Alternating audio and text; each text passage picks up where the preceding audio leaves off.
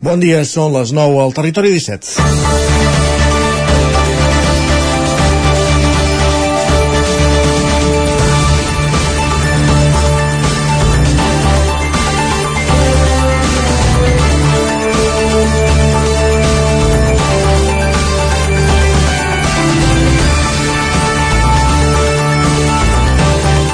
Comencem setmana i tanquem més al territori 17 i no podíem fer-ho de la pitjor manera possible. Ahir dues notícies s'encadenaven a les nostres comarques amb el resultat que mai volem explicar.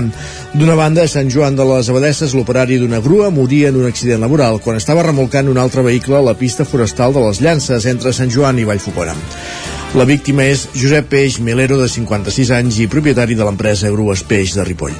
Els serveis d'emergències no van poder fer res per salvar-li la vida. Després de conèixer aquest succés, n'arribava un altre. Un home moria ahir a la tarda a l'Hospital Clínic de Barcelona a causa de les ferides patides la matinada de dissabte en una baralla al barri del Remei de Vic. L'home va rebutjar inicialment assistència mèdica i al cap de 24 hores va tornar a alertar els serveis d'emergències que el van traslladar en coma a l'Hospital Clínic de Barcelona. Els Mossos estan investigant el cas. És dilluns 30 de gener de 2023 en el moment de començar el Territori 17 a la sintonia de la veu de Sant Joan, una codinenca, Ràdio Cardedeu, Ràdio Vic, el 9 FM i ens podeu veure també, ja ho sabeu, a través del 9 TV, Twitch i YouTube. Territori 17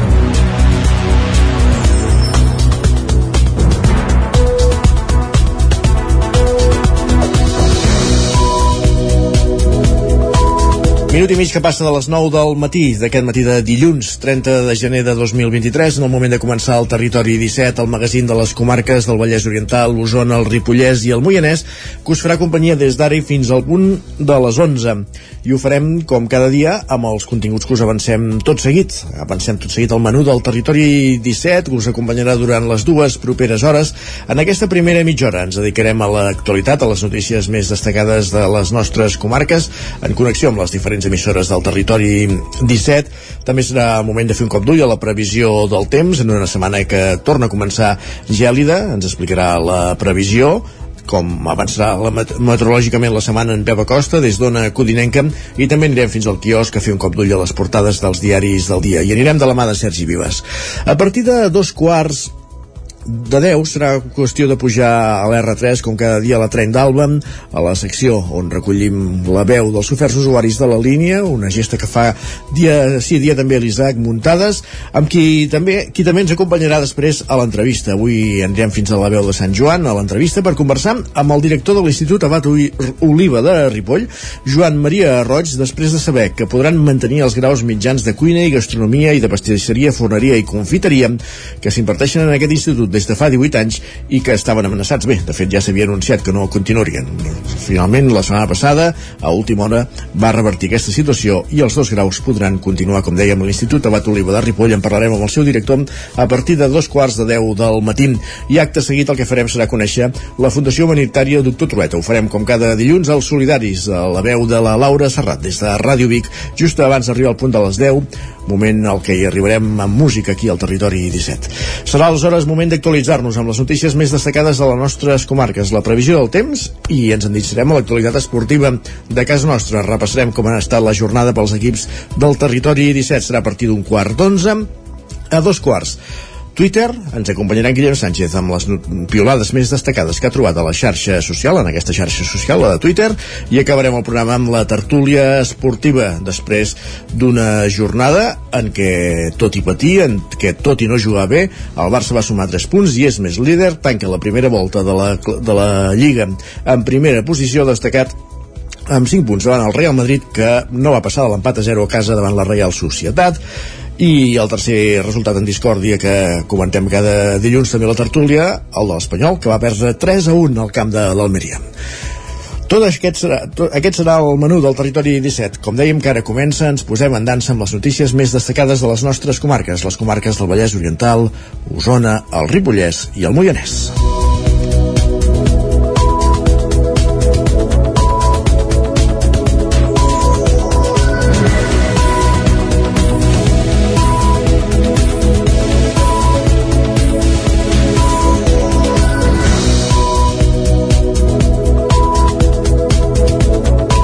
Ho dèiem a la portada, els Mossos d'Esquadra investiguen la mort d'un home a Vic. Sergi Vives. Els fets van tenir lloc al barri del Remei al voltant de la una de la matinada de la nit de divendres a dissabte. Els Mossos van rebre un avís d'una baralla i s'hi van desplaçar. La víctima va dir-los que havia estat agredit amb un objecte contundent, però va rebutjar l'assistència mèdica del SEM, així com ser traslladat a un hospital.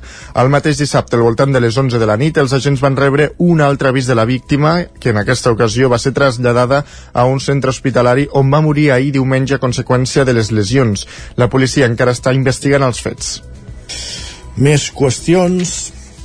Encara que la comarca d'Osona, Axilona Metal farà una nova planta al polígon de la Guàrdia de Sant Pere de Torelló, al costat de la seu actual, que per pràcticament duplicar la seva superfície, la superfície d'una fàbrica que ara mateix té 12.000 metres quadrats. De fet, aquesta ampliació ha de permetre doblar el nombre de treballadors fins a arribar en un futur als 600 empleats. Els tràmits i gestions que han conclòs amb l'adquisició d'aquesta parcel·la han implicat diverses administracions per poder obtenir tots els permisos. L'Ajuntament de Sant Pere hi ha tingut un paper destacat, ho explica l'alcalde Jordi Fàbrega. Satisfets perquè tota activitat econòmica que s'implementa a Sant Pere de Trolló té una repercussió a nivell de poble però també a nivell de territori no només en creació de llocs de treball sinó en llocs de treball que es consoliden i que a més a més amb una qualitat important. Si tots aquests organismes no hi havia algú que fes de mosca collonera per donar per expressió que hi estigués en el dia a dia mirant com es podia arribar a cohesionar tot plegat perquè es donés aquesta llicència d'activitats l'activitat empresarial era impossible que es pogués empullar i que pogués venir a Sant Pere de Torelló una de les complexitats que ha allargat el tancament de l'operació és l'obtenció dels permisos per ampliar la capacitat de la depuradora de Torelló. L'empresa també ha valorat l'aposta del poble per l'energia verda, ja que aprofitarà l'aigua calenta produïda per la planta municipal de biomassa forestal. Com a consistori, Fàbrica explica que han demanat dues premisses a canvi, que es prioritzin la contractació de veïns del poble en cas d'igualtat de condicions quan amplin la plantilla i també l'impuls de plans de formació de personal. És un element imprescindible i indispensable que puguem formar la gent amb el concepte d'aprenent. I en aquest sentit hem ofert una col·laboració públic-privat que és poder cooperar amb Accion perquè tant gent jove que es pugui formar, com gent que està en situació d'atur, es pugui formar dins l'empresa L'empresa Xylon Metal, que és un dels principals productors mundials d'envasos de cosmètica de luxe, té origen en una empresa que va començar a fer peces d'alumini per al tèxtil al 1965 a Torelló. 20 anys més tard va entrar en el món de la cosmètica i al 1990 es van traslladar a Sant Pere adoptant el nom actual, formant part del grup francès Axilon Ilios, que ara pertany a un fons d'inversió xinès. Més qüestions. El Moianès, el Moianès estrena una oficina Accelera Pime Rural per ajudar petites empreses i autònoms en la digitalització dels seus negocis. Roger Rams, zona Codinenca. Sí, ahir a Can Carné, seu del Consell Comarcal i el Consorci del Moianès es va inaugurar aquesta oficina. L'objectiu és d'apropar i impulsar la transformació digital a comerços i empreses ubicades en entorns rurals. Andreu Bru és director de Tecnologia i Digitalització de PIMEC. De negoci a través de xarxa, procés una empresa que no tingui els seus processos de negoci eh, digitalitzats, ja siguin processos de negoci a través de xarxa, processos interns de negoci, de gestió de processos, de gestió amb els clients, de ciberseguretat, eh, vamos, no, no, no, ens, no podem amagar el cap, no podem viure al marge de la tecnologia L'oficina estarà encapçalada per una tècnica de PIMEC, Esther Buixader, que a través de diferents actuacions, com consultories amb especialistes, seminaris i jornades, assessorarà els interessats. Ella mateixa explica la importància de que les petites empreses de la comarca apostin per la digitalització en, ens està atrapant, no? És, eh, la digitalització està canviant la manera de fer negocis i per tant eh, el que hem de fer doncs, és un pas endavant, encara que siguin passes petites però en ferm i eh, començar a treballar i implementar la digitalització per tal doncs, de que la comarca tingui eh, les mateixes capacitats a nivell competitiu doncs, que, que la resta del territori català. L'oficina tindrà una atenció personalitzada en totes aquelles empreses que s'inscriguin al portal web de l'oficina i serà oberta els dimarts al matí, però això sí, es podran demanar cites telemàtiques i presencials, ajustant-se a les necessitats de cada empresa. El primer pas serà assessorar sobre quines ajudes dels fons Next Generation pot sol·licitar cada empresa. Gràcies, Roger. Anem ara cap al Ripollès perquè, com dèiem a l'inici del programa, la pressió d'Esquerra obliga el Departament d'Educació a mantenir els cicles de cuina i pastisseria de l'Institut Abat Oliva de Ripoll.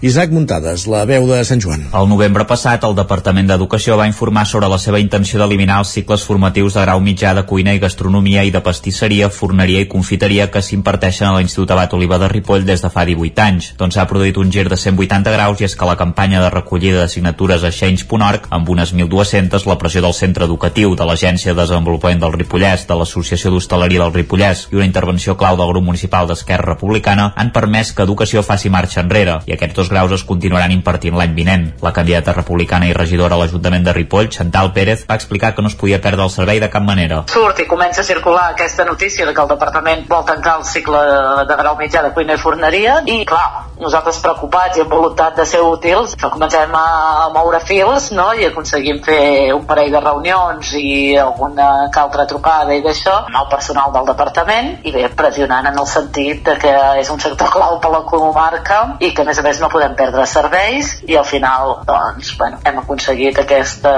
que gairebé es pugui afirmar aquesta voluntat no? de, que, de que es pugui mantenir aquest cicle. La reunió definitiva va ser el passat dimecres amb la presència de la delegada del govern català a les comarques gironines, Laia Canyigaral, i el director territorial de serveis educatius, Adam Manyer, que precisament aquest divendres s'havia de reunir amb els centres educatius de la comarca i els hi va traslladar la bona notícia. Pérez també va apuntar que cal aconseguir arribar almenys a la meitat de matrícules que s'ofereixen, ja que ara s'estava un pèl per sota. El departament també estudia que el curs vinent o d'aquí dos es pugui implantar un grau mitjà d'infermeria i en els mateixos terminis un IFE o itinerari per alumnes amb necessitats educatives especials, perquè el Ripollès és de les poques comarques que no en té. El president de l'Associació d'Hostaleria, Fran Barroso, era coneixedor que les negociacions s'havien reconduït en les últimes hores i va explicar que aquesta vegada se'ls havia avisat en temps per poder reaccionar. Hem de recordar que ja fa dos anys enrere es van treure el cicle el grau superior de cuina i va ser un cop molt dur, però per part de l'educació també no se'ns va avisar, no se'ns va, no se'ns va dir res. Simplement una setmana abans de que aquest curs decidessin que, que havia d'acabar, pues, es van comunicar a través d'un correu que això no continuava i ja està. I ara s'han trobat el mateix amb aquest segon, però amb la fortuna de que la informació s'ha arribat abans i hem pogut moure'ns una mica abans. A banda dels cicles salvats, l'Institut Abat Oliva també ofereix cicles de grau mitjà de manteniment elèctric i mecànic, administratiu i de senderisme, neu, surf de neu i escalada.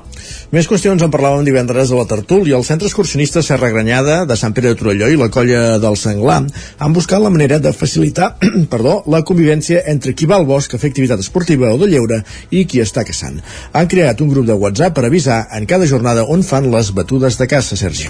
Trobar-se un grup de caçadors quan havia sortit amb bici per la zona de Bellmunt a Sant Pere de Torelló va obligar el Sant Perenc Ernest Cubi, membre del centre excursionista Serra Grenyada, a canviar de recorregut. Aquest fet i veure algunes entitats de caçadors que alertaven de quan hi havia batudes per evitar el perill als excursionistes, ciclistes o motoristes va portar a la creació d'un grup de WhatsApp per informar als ciutadans. Ho explica Estàvem caçant més endavant, vaig sentir els gossos i tal, i dic, bueno, me'n vaig cap a una altra banda i vaig vaig fer la meva ruta i vaig arribar a casa i engego l'Instagram i veig un grup, un, una associació de, de Trem que els segueixo i van dir uh, demà els caçadors uh, aniran a caçar a tal lloc. I llavors va sortir la idea de hòstia, podem fer un grup i que els caçadors allà fiquin on estan caçant els caçadors de la colla del senglar de Sant Pere de seguida es van sumar a la iniciativa per poder dir on són, ja que fins a última hora, segons explica Marc Leiva, no decideixen on van a fer les batudes.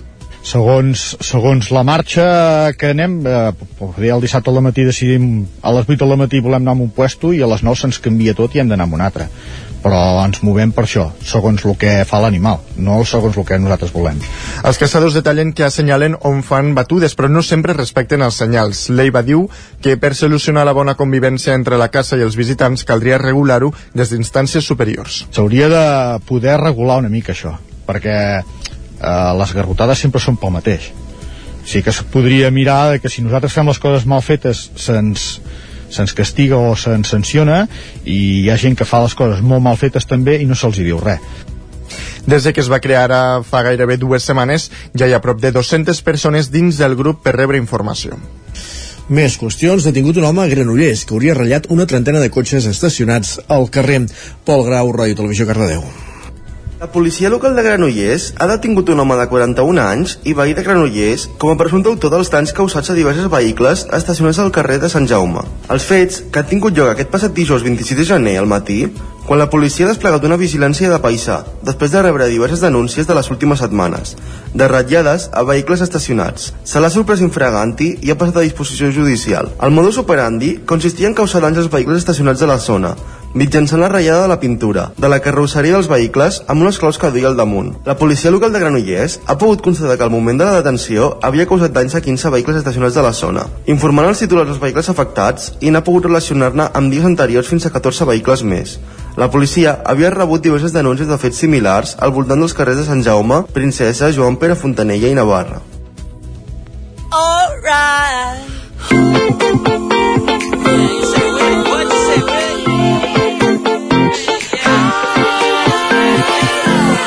I qui escoltem de fons, Oques Grasses ha batut el rècord d'assistència al Palau Sant Jordi en un concert de final de gira que ha sigut apoteòsic. Va ser dissabte a la nit, Sergi. El grup osonenc ha celebrat els seus 10 anys de trajectòria amb un concert apoteòsic al Palau Sant Jordi que també ha servit per tancar la seva gira. Un concert que ha batut el rècord d'assistència al Palau ja que són la única banda de música en català i nascuda després dels 2000 que aconsegueix la fita de fer sold out al Palau. Així doncs, els osonencs han reunit 18.400 fans que van esgotar les entrades fa més de 8 mesos. Després de 5 àlbums, Soques Grasses afronta ara un descans de mínim un any. Pitgen el botó de pausa, però prometen que el 2024 tornaran amb nou disc. Està molt bé la gesta, però no sé si cal donar tantes giragonses de l'únic grup català nascut després de 2000 que fa soldat al Palau per voler oblidar el concert del 92 en fi, allà van ser 21.000 i tant i escaig i ningú retreu, ningú treu que la gesta d'Oques Grasses és espectacular, impressionant tota la seva trajectòria recorregut, com va ser pels, per el que veiem els que van viure el concert de, de dissabte al Sant Jordi. Dit això, anem a conèixer la previsió del temps.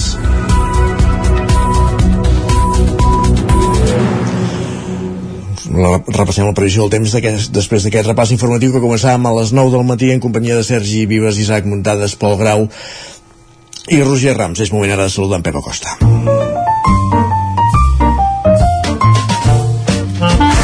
Casa Terradellos us ofereix el temps.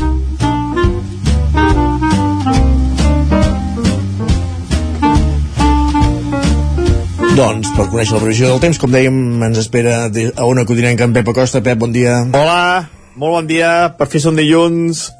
Per fi arriba l'espai del temps. Per fi s'acaba gener també, que molta gent vol que s'acabi gener. I arriba febrer. I una altra cosa que s'acaba. S'acaba aquesta onada de fred eh, molt important que hem tingut aquesta segona quinzena del mes de gener. Una onada de fred contundent que feia molt temps que no, no teníem. Doncs s'acaba. Aquesta nit eh, les temperatures han pujat a la muntanya i han baixat a les valls. Això vol dir que s'acaba aquesta injecció d'aire fred. Uh, L'aire fred que tenim es va quedar a les zones més enclotades i ja hi ha la inversió tèrmica, és a dir, fa més fred a les zones fondes que no pas alta muntanya. Per què això? Doncs perquè tenim l'anticicló que serà l'amo i senyor de la situació. I sembla que va per molt i molt llarg aquest anticicló. I estarà bé, estarà bé per aquí aquestes nostres latituds, i s'hi quedarà forces, forces dies. Què vol dir això? Inversió tèrmica, com he dit, més fred eh, a les valls que alta muntanya, boires, atenció, eh, cap a Moianès, Baja, eh, Moianès, Osona, perdó, Ripollès, algunes zones del Vallès, boires importants, eh, compte a l'hora de conduir, eh, compte amb, amb, amb aquesta mala visibilitat que hi haurà, i els llocs on hi ha boira vol dir molt i molt de sol. Eh, cap possibilitat de precipitacions aquesta setmana. Les temperatures màximes aniran pujant, Uh, si la setmana que passada no arribàvem a 10 graus gairebé en lloc, aquesta setmana moltes màximes entre els 12 i els 16 graus. Per tant, ambient suau al migdia, les nits continuaran força, força fredes. I l'única l'única excepció serà els jocs amb boira. Les boires cada dia seran més intenses i més extenses a les planes i per tant les temperatures no superaran els 4-5 graus. Ja anem informant de com van aquestes boires, però són boires ja bastant persistents aquesta setmana. I això és tot, a disfrutar el dia d'avui, un dia de, de, de recuperació de temperatures, les màximes sobretot pujaran, després d'una nit molt freda, encara que aquesta nit ha sigut molt freda, però avui les màximes pujaran, farà molt de sol, i de moment avui les boires no seran, no seran molt, molt importants. A mesura que, va, que avanci la setmana, cada vegada més importants, perquè serà una setmana del tot anticiclònica. Moltes gràcies, adeu. Setmana del tot anticiclònica, ens apuntem. Parlem més tard. Fins ara, Pep. Casa Tarradellas us ha ofert aquest espai. I ara sí, moment d'anar al quiosc.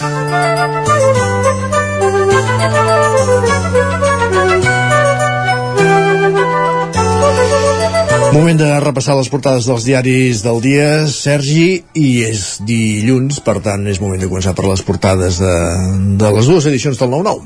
Ah, exactament, comencem per la d'Osona el Ripollès, que de fet són dues notícies, destaquen dues notícies que hem comentat ara a l'informatiu. La primera, eh, que encapçala la portada, és aquesta investigació per la mort d'un home a Vic després d'un cop al cap en una baralla i la segona és aquest concert eh, d'Oques Grasses, que de fet diuen que consagra el Sant Jordi amb una fotografia, amb una gran fotografia que ocupa gairebé tota la portada. No sé si tu vas ser un dels privilegiats que vas poder estar al Sant Jordi. No, no vaig ser un dels vi Bueno, doncs, privilegiats. ja en no, però, dos, ja però és pel que es veu va ser espectacular i apoteòsic sí. aquest concert de, de fi de gira, mereixedor, evidentment, d'aquesta portada. Evidentment. Anem cap al 9-9 del Vallès Oriental, eh, que expliquen que les franqueses posarà ressalts a un carrer per aturar les curses il·legals de cotxes.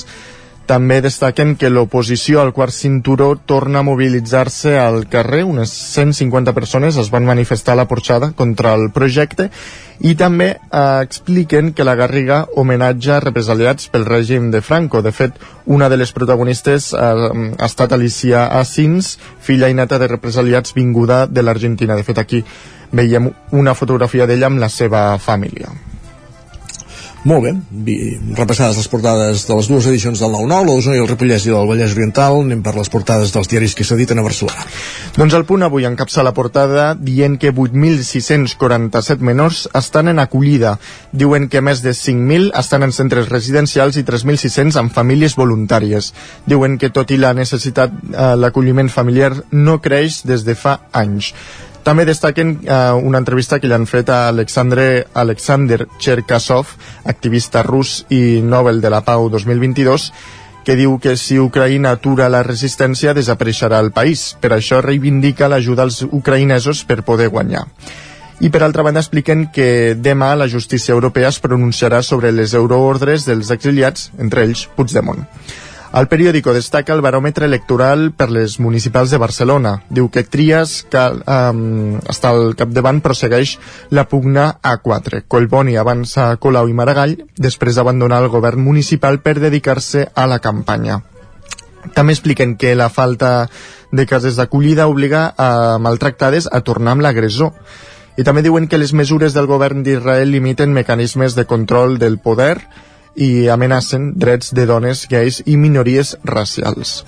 La, la Vanguardia diu que les noves sancions contra Rússia amenacen d'encarir el dièsel. Expliquen que la Unió Europea deixarà de comprar gasoil rus a partir del 5 de febrer i haurà de buscar altres proveïdors a l'Àsia i l'Orient Mitjà. Ai, que ara ens quedarem sense poder conduir. Bueno, pues, si pugen més els preus... Uh, També, també sí, raó. sí, sí. També diuen que els acords entre Podem i Izquierda Unida per a les municipals acosten al, al, pac al pacte de Sumar. I també destaquen que Djokovic guanya a Nadal, després, uh, iguala a Nadal, perdó, des de, després de proclamar-se campió de l'Open d'Austràlia. I l'ara diu que 500 menors tutelats esperen una família que els aculli. Expliquen que 212 criatures de menys de 6 anys viuen en centres públics, tot i que la llei no ho permet. Afegeixen que la síndica de Greuges alerta que hi ha una crisi d'acolliment i reclama més famílies voluntàries. També diuen que la direcció de l'ANC rebutja eh, fer la llista cívica que volia la presidenta i per altra banda destaquen que Trump torna al seu to més radical per al tercer assalt a la Casa Blanca. Vaja, així que no hi haurà llista cívica. No. Veurem com avança tot plegat. Eh, anem a veure què diuen les portades dels diaris que s'editen a Madrid. Doncs el país diu que la majoria del Constitucional rebutja limitar la llei de l'avortament. Els progressistes expliquen que s'oposaran a canvis que dificultin la lliure decisió de les dones. També diuen que la inversió espanyola en paraïsos fiscals es va duplicar al 2020. Expliquen que les Illes Verges britàniques van acaparar el 70% dels fluxos. I destaquen també que Djokovic atrapa Nadal al cim del tennis després de guanyar el seu 22è Grand Slam a l'Open d'Austràlia. Es va, es va fer gravar el 22 a la, a la jaqueta del xandall també, l'home. Pues fixa't. Veus, 22. L'ABC destaca la dificultat que suposarà enviar tots els tancs promesos a Ucraïna. Expliquen que l'enviament de carros pesats exigirà temps i una complicada logística. De fet, els Leopard no arribaran fins a finals de primavera i els Abrams mm, ho faran a l'estiu. El Mundo destaca una entrevista que ha fet a Begoña Villacís, la vicealcaldessa de Madrid, que pertany a Ciutadans, diu que el partit ha d'arriscar i que a vegades s'ha de sacrificar les sigles. També expliquen que la Fiscalia investiga per amenaces a Leopoldo, el violador de Zamora. Diuen que la policia ha posat en vigilància la seva exdona després de ser alliberat pels beneficis de la llei del només sí és sí. Uh, per altra banda, destaquen l'agressió sexual que ha patit l'actriu Gedet als Premis Feroz. L'autor la, dels fets és el productor Javier Pérez Santana, que es troba ara en llibertat amb càrrecs. La Razón diu que Sánchez estudia canviar el govern en els pròxims dies. Expliquen que el president vol acabar amb el soroll i posar punt i final a la pugna sobre la successió de Reyes Maroto. Les millors posicionades són Xana Méndez de, pel Ministeri d'Indústria i Raquel Lloti per Sanitat. Semblaria que la data és el 7 de febrer, veurem haurem, haurem de veure aquests canvis. Per altra banda, diuen que Podemos vol blindar Montero davant la Moncloa, reivindiquen la seva llei del només sí a sí i exigeixen sense assumir uh, i segueixen sense assumir els errors. I acusa el PSOE de cedir davant els conservadors. Ràpidament, 13 segons per repassar els digitals, no els tenim no, a punt. No els tenim a punt. Anem a fer una petita pausa, tornem tot seguit al territori 17, pugem a l'R3 amb l'Isaac Montades i després l'entrevista amb el director de l'Institut Abat Oliva de Ripoll. Fins ara mateix. El nou FM, la ràdio de casa, al 92.8. Al forn de pa i pastisseria Glina hi trobareu una gran varietat de pans de producció pròpia amb farina de blat i de molts altres tipus, tots elaborats al nostre obrador. També us oferim tortells, braços de gitano, coques, brioixeria i pastes seques i pastissos personalitzats. I ara també ens trobareu al Mercat Municipal de Torelló. Forn de Pa i Pastisseria Glina, carrer Major número 9 de Sant Vicenç de Torelló i Mercat Municipal de Torelló. Has esperat que arribi el fred per comprovar si et funciona bé la caldera? No pateixis, a Casa Jové som especialistes en manteniment, reparació i revisió d'equips d'aigua calenta i calefacció, tant en l'ambient domèstic com industrial. Si tens una avaria, no ho dubtis. Som Casa Jové. Ens trobaràs al carrer Girona, número 9 de Vic i al telèfon 93 886 1596. Casa Jové, el teu servei tècnic de confiança. 25 anys del cau de bruixes de Centelles. Des del 31 de gener fins al 5 de febrer torna una festa per a tots els públics que gira al voltant de la tradició de les bruixes de Centelles. Hi trobaràs jocs de taula, conferències i xerrades, exposicions, sopar embruixat o rutes guiades. No hi faltarà el mercat màgic amb tarot, cartes astrals, bruixes i artesania, ni tampoc el retorn de la Pairona, el passatge interactiu que trobaràs al pavelló. Vine a descobrir qui és la nova bruixa de l'any al cau de bruixes de Centelles. Més informació a centelles.cat barra cau de bruixes.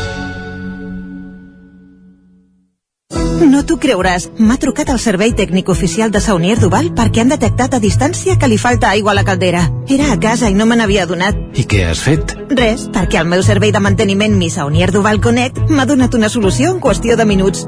Informeu-vos a connectivitat.saunierduval.es. Saunier Duval, sempre al seu costat. Cocodril Club. Si t'agrada la bona música dels anys 60, 70 i 80, escolta el 9 FM als matins de dissabtes i diumenges d'11 a 1. És el temps del Cocodril Club, tot un clàssic de la ràdio, amb les bases del pop-rock, les llegendes, les cançons que s'han convertit en autèntics himnes. Recorda, dissabtes i diumenges al matí, d'11 a 1, al 9 FM 92.8. Cocodril Club, el programa revival de l'Albert Malla. Hasta luego, cocodrilo. Al 9 FM. Bon dia, són les 9 al Territori 17. Miquel Parella, Cada matí i durant dues hores t'acompanyem i et posem al dia de l'actualitat de casa nostra. Potenciant així l'autonomia En aquest cas me la peça el taler si no... Cursos per feminitzar el pensament masculí. Territori 17, el magazín matinal d'Osona, el Moianès, el Ripollès i el Vallès Que la Oriental. meva àvia de 93 El anys... 9 FM, el 9 TV, el 99.cat i també els nostres canals de Twitch i hora YouTube. demà per fer-se un tatuatge. Cada matí, Territori 17. Ole! Territori 17.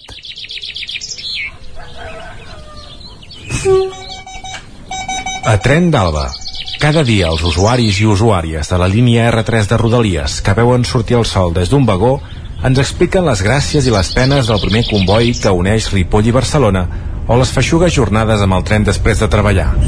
Benvinguts a Tren d'Alba.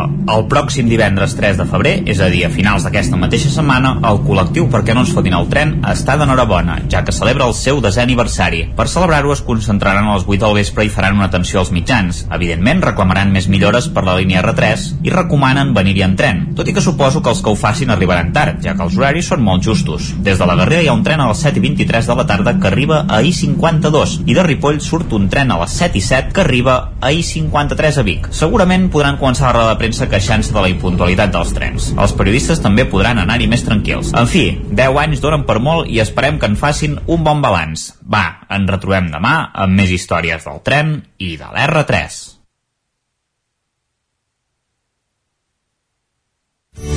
Territori 17. Envia'ns les teves notes de veu per WhatsApp al 646 079 023. 646 079 023. WhatsApp Territori 17.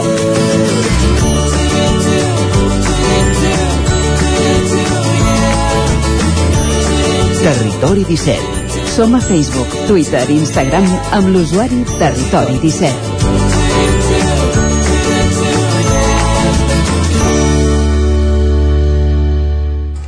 Dos minuts que passen de dos quarts de deu del matí.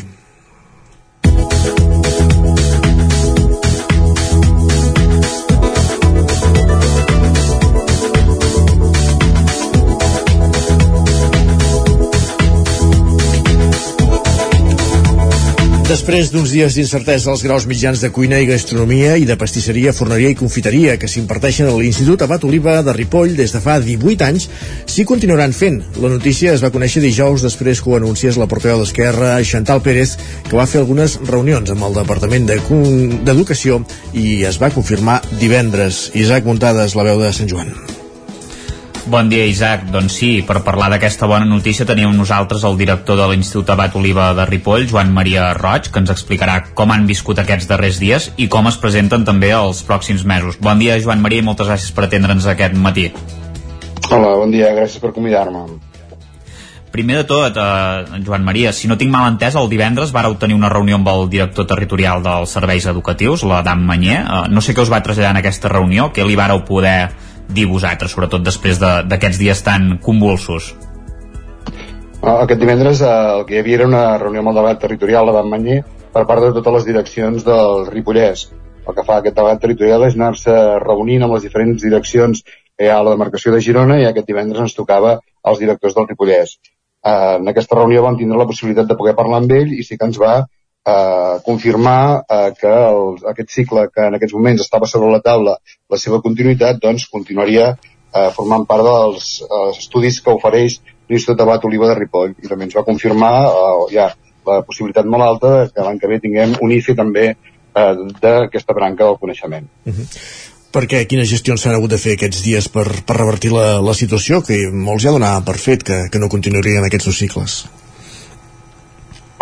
Eh, s'han fet diferents gestions, com hem dit nosaltres també ens hem reunit diferents vegades amb el departament, també s'ha reunit els altres sectors implicats, com hem dit sempre, eh, aquest no és només un cicle formatiu que fa l'Institut de l'Autoliva de Ripoll, sinó que és un cicle que compartim amb altres. Hi ha una implicació molt important de Ripoll de Desenvolupament, de la l'hostaleria, una implicació molt important del sector de, de l'hostaleria, de l'Associació d'Hostaleria de, del Ripollès, i per tant el que hem fet són diferents reunions a diferents bandes per anar valorant quina era la possibilitat i la viabilitat de continuar amb aquest tipus d'estudis.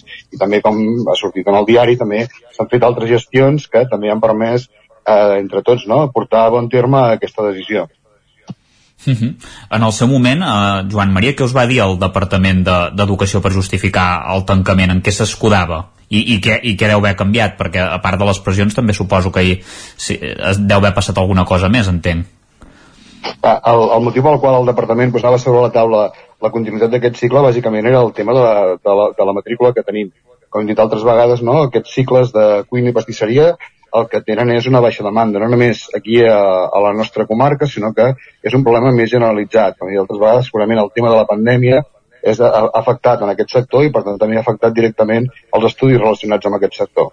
Sí, el que sí que és veritat és que hi havia dos, dos fets que s'havien de posar al mateix moment sobre la taula. Per un cantó, és veritat que hi ha una baixa demanda d'alumnes, però també és veritat que el sector és un sector clau aquí a la comarca i per tant poder continuar formant eh, alumnes en aquest àmbit consideràvem que també era molt important, per tant trobar l'equilibri entre les dues coses. Per un cantó, reconèixer, i crec que és un problema que tenim sobre la taula i que sí que hem de ser capaços de poder revertir, que és el tema de, dels alumnes que s'acaben matriculant en aquest cicle formatiu, i per l'altre cantó, doncs, també valorar aquest fet, no?, que per la comarca i per al sector és molt important continuar eh, formant alumnes que puguin després no, eh, exercir les seves funcions en els diferents serveis de restauració que tenim aquí a la comarca. Uh -huh.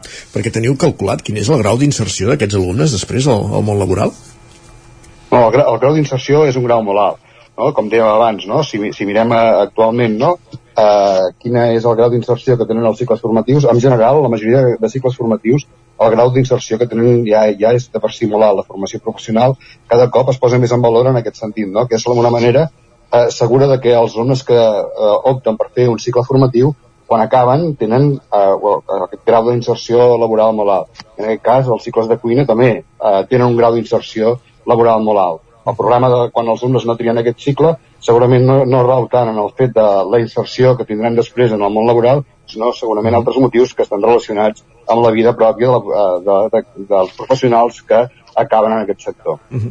Perquè quants alumnes teniu en aquests cicles, quantes places hi ha i quin és el mínim que us demanen perquè sigui viable o per, per poder-lo mantenir, per entendre'ns?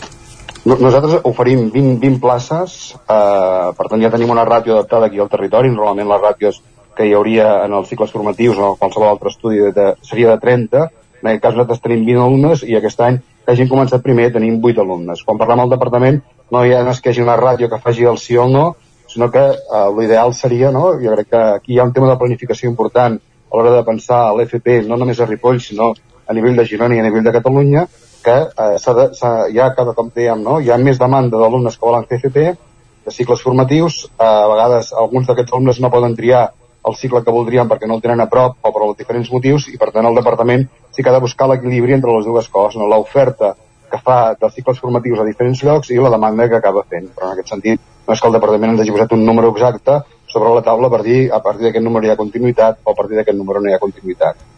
De totes maneres, Joan Maria, tu ets partidari que es faci una mica de discriminació positiva en comarques com el Ripollès, no? que potser no són les que tenen més eh, cicles formatius, però alhora també doncs, és important que n'hi hagi i que, i que la gent, doncs, els, els joves es puguin quedar aquí a la comarca i treballar-hi, no? que no acabin marxant i sigui això un, un èxode, una, una diàspora cap a, cap a altres zones del país o, o de l'estranger, no?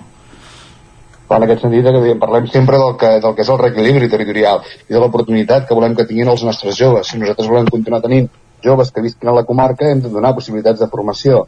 Quantes menys possibilitats de formació donem aquí a la comarca, també al mateix temps, un, no estem contribuint en aquest reequilibri territorial i dos, estem fent no, que alguns joves que segurament es quedarien aquí, doncs, davant de la impossibilitat de poder continuar, doncs, marxin ja fora molt abans d'hora. Hem de ser conscients que quan parlem de cicles formatius de grau mitjà estem parlant de joves de 16 a 18 anys. Com sempre, no? una cosa és quan ja tens eh, els 18 anys que poder estem més acostumats a haver de marxar de la comarca per continuar els estudis, però sí que creiem que és important que la, fins a la franja dels 18 la comarca del Ripollès ofereixi el màxim nombre de cicles possibles i la màxima nombre d'oportunitats a tots els nostres joves. Mhm. Per exemple, un altre cicle que, que s'ha parlat aquests dies que també fins i tot al principi es parlava d'un intercanvi, ara la bona notícia seria que es pogués afegir, seria un, un grau mitjà d'infermeria. No sé si això, Joan Maria, és viable en els pròxims cursos, que en sabeu, no sé si ho heu plantejat, per què seria necessari per, per la comarca que hi hagués a aquest tipus de cicle, no sé si veu poder-ho parlar amb, amb Adam Manyer. Esperem que sí, que sigui una cosa que sigui viable. Ja es va posar sobre la taula, eh, no, només, no només des de l'institut, sinó també des de tot aquest sector, que eh, necessita, té necessitat de formació també en aquest sentit. Segurament, potser per l'any vinent no serà viable, però sí que el departament té sobre la taula i ha tingut sobre la taula eh, l'estudiar i el fet de poder implantar aquest cicle aquí. Com hem dit, eh, nosaltres tenim l'Hospital de Can Davano, tenim les residències, per tant sí que hi ha eh, també és un sector que demanda molts, molts professionals eh, formats i creiem que l'Institut pot ser un bon lloc on trobin aquesta formació. Per tant, el cicle formatiu de cures d'auxiliar d'infermeria continua estant sobre la taula i creiem que més aviat o més tard sí que eh, serà una decisió que prendrà el departament d'implantar-lo aquí al Ripollès.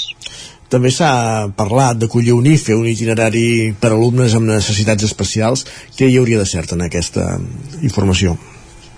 I aquesta també és una demanda que s'havia fet ja eh, cursos anteriors i per tant sembla que aquest any sí que serà possible. De, de les diferents comarques veïnes que nosaltres tenim aquí, tant la Garrotxa com Osona, sí que ja tenen, els alumnes tenen la possibilitat de tenir aquests itineraris formatius. I el Ripollès eh, era una mancança que teníem a l'hora de donar continuïtat a la resta d'instituts que, tenen, que tenim aquí a la comarca també han fet una aposta molt important per aquesta inclusivitat. Per tant, creiem que és fonamental també el fet de poder donar continuïtat a tots aquests alumnes en la seva eh, formació. Per tant, celebrem que el departament sí que hagi vist amb bons ulls i hagi decidit finalment a optar per a aquest IFE a l'Institut Abat Oliva de Ripoll. Uh -huh. Perquè a banda d'aquests que hem estat comentant al llarg de l'entrevista, quins són els, els graus, els cicles formatius, volem dir, perdó, que ofereix ara actualment l'Institut Abat Oliva? Nosaltres bàsicament oferim de, de tres famílies diferents. Per un cantó tindríem aquests que dèiem ara d'aquí, de cuina i pastisseria, per l'altre cantó també tenim un cicle d'administratiu i també tenim eh, un altre 3x2 d'un cicle de manteniment elèctric i de manteniment mecànic aquests bàsicament serien els cicles que eh, oferim a l'Abat Oliva juntament amb un PFI eh, també de l'àrea de comerç. Uh, no sé si a més a més estaria bé, Joan Maria, que, que recuperés el cicle de cuina de grau superior, no? que em sembla que si no, si no tenim mal entès es va perdre fa un parell d'anys, no sé si hi ha alguna possibilitat ara que també es mantenen doncs, els cicles de, de grau mitjà de, de cuina i pastisseria uh, no sé si hi ha alguna, alguna possibilitat d'això o és més complicat en aquest sentit seria una mica més complicat. Si bé és veritat que si realment són capaços d'aconseguir alumnat en aquests cicles formatius de grau mitjà de cuina i pastisseria i el nombre d'alumnes fos un nombre d'alumnes important que volgués continuar la seva formació, sí que seria la manera pròpia de recuperar aquest cicle formatiu de grau superior que es va perdre al -huh. Hem estat parlant, focalitzant-nos molt amb, amb la cuina, hem parlat també d'infermeria, ens comentaves que també teniu graus relacionats amb el món, amb el món industrial. i altres demandes des del teixit empresarial del territori de, de fer formacions específiques per, pel Ripollès que es poguessin fer a l'Abat Oliva o ara mateix creieu que més o menys està la, la demanda bastant coberta? Però en aquest sentit, la demanda més important que tenim sobre la taula, que hem fet no només nosaltres, com hem dit, sinó que neix del Pla de Reactivació Ripoll 2030, era el tema de, de, de cures d'auxiliar d'infermeria. Si bé és veritat que també hi ha altres sectors, de, com, hem deia, com hem dit abans, la formació professional cada cop eh, és una opció més important per als joves i també sabem que hi ha altres sectors de la comarca que també demanden formació, no? en aquest sentit, eh?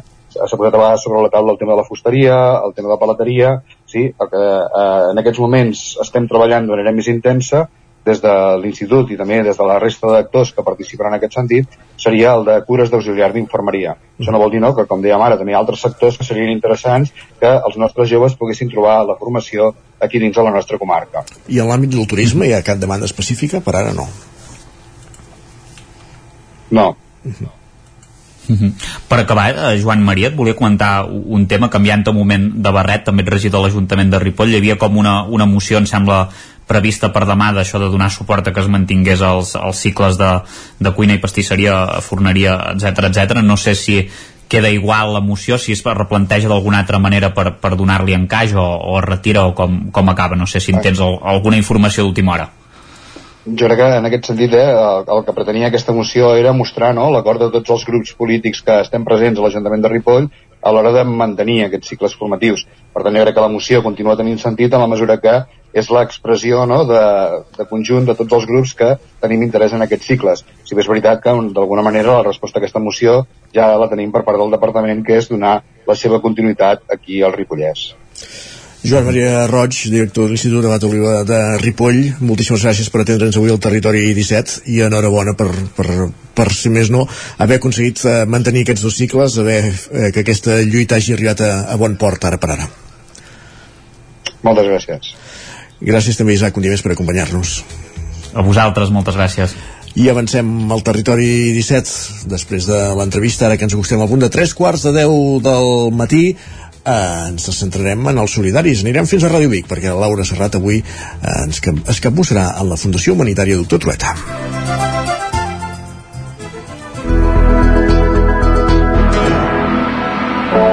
Territori 17, el 9 FM, la veu de Sant Joan, Ona Codinenca, Ràdio Cardedeu, Territori 17.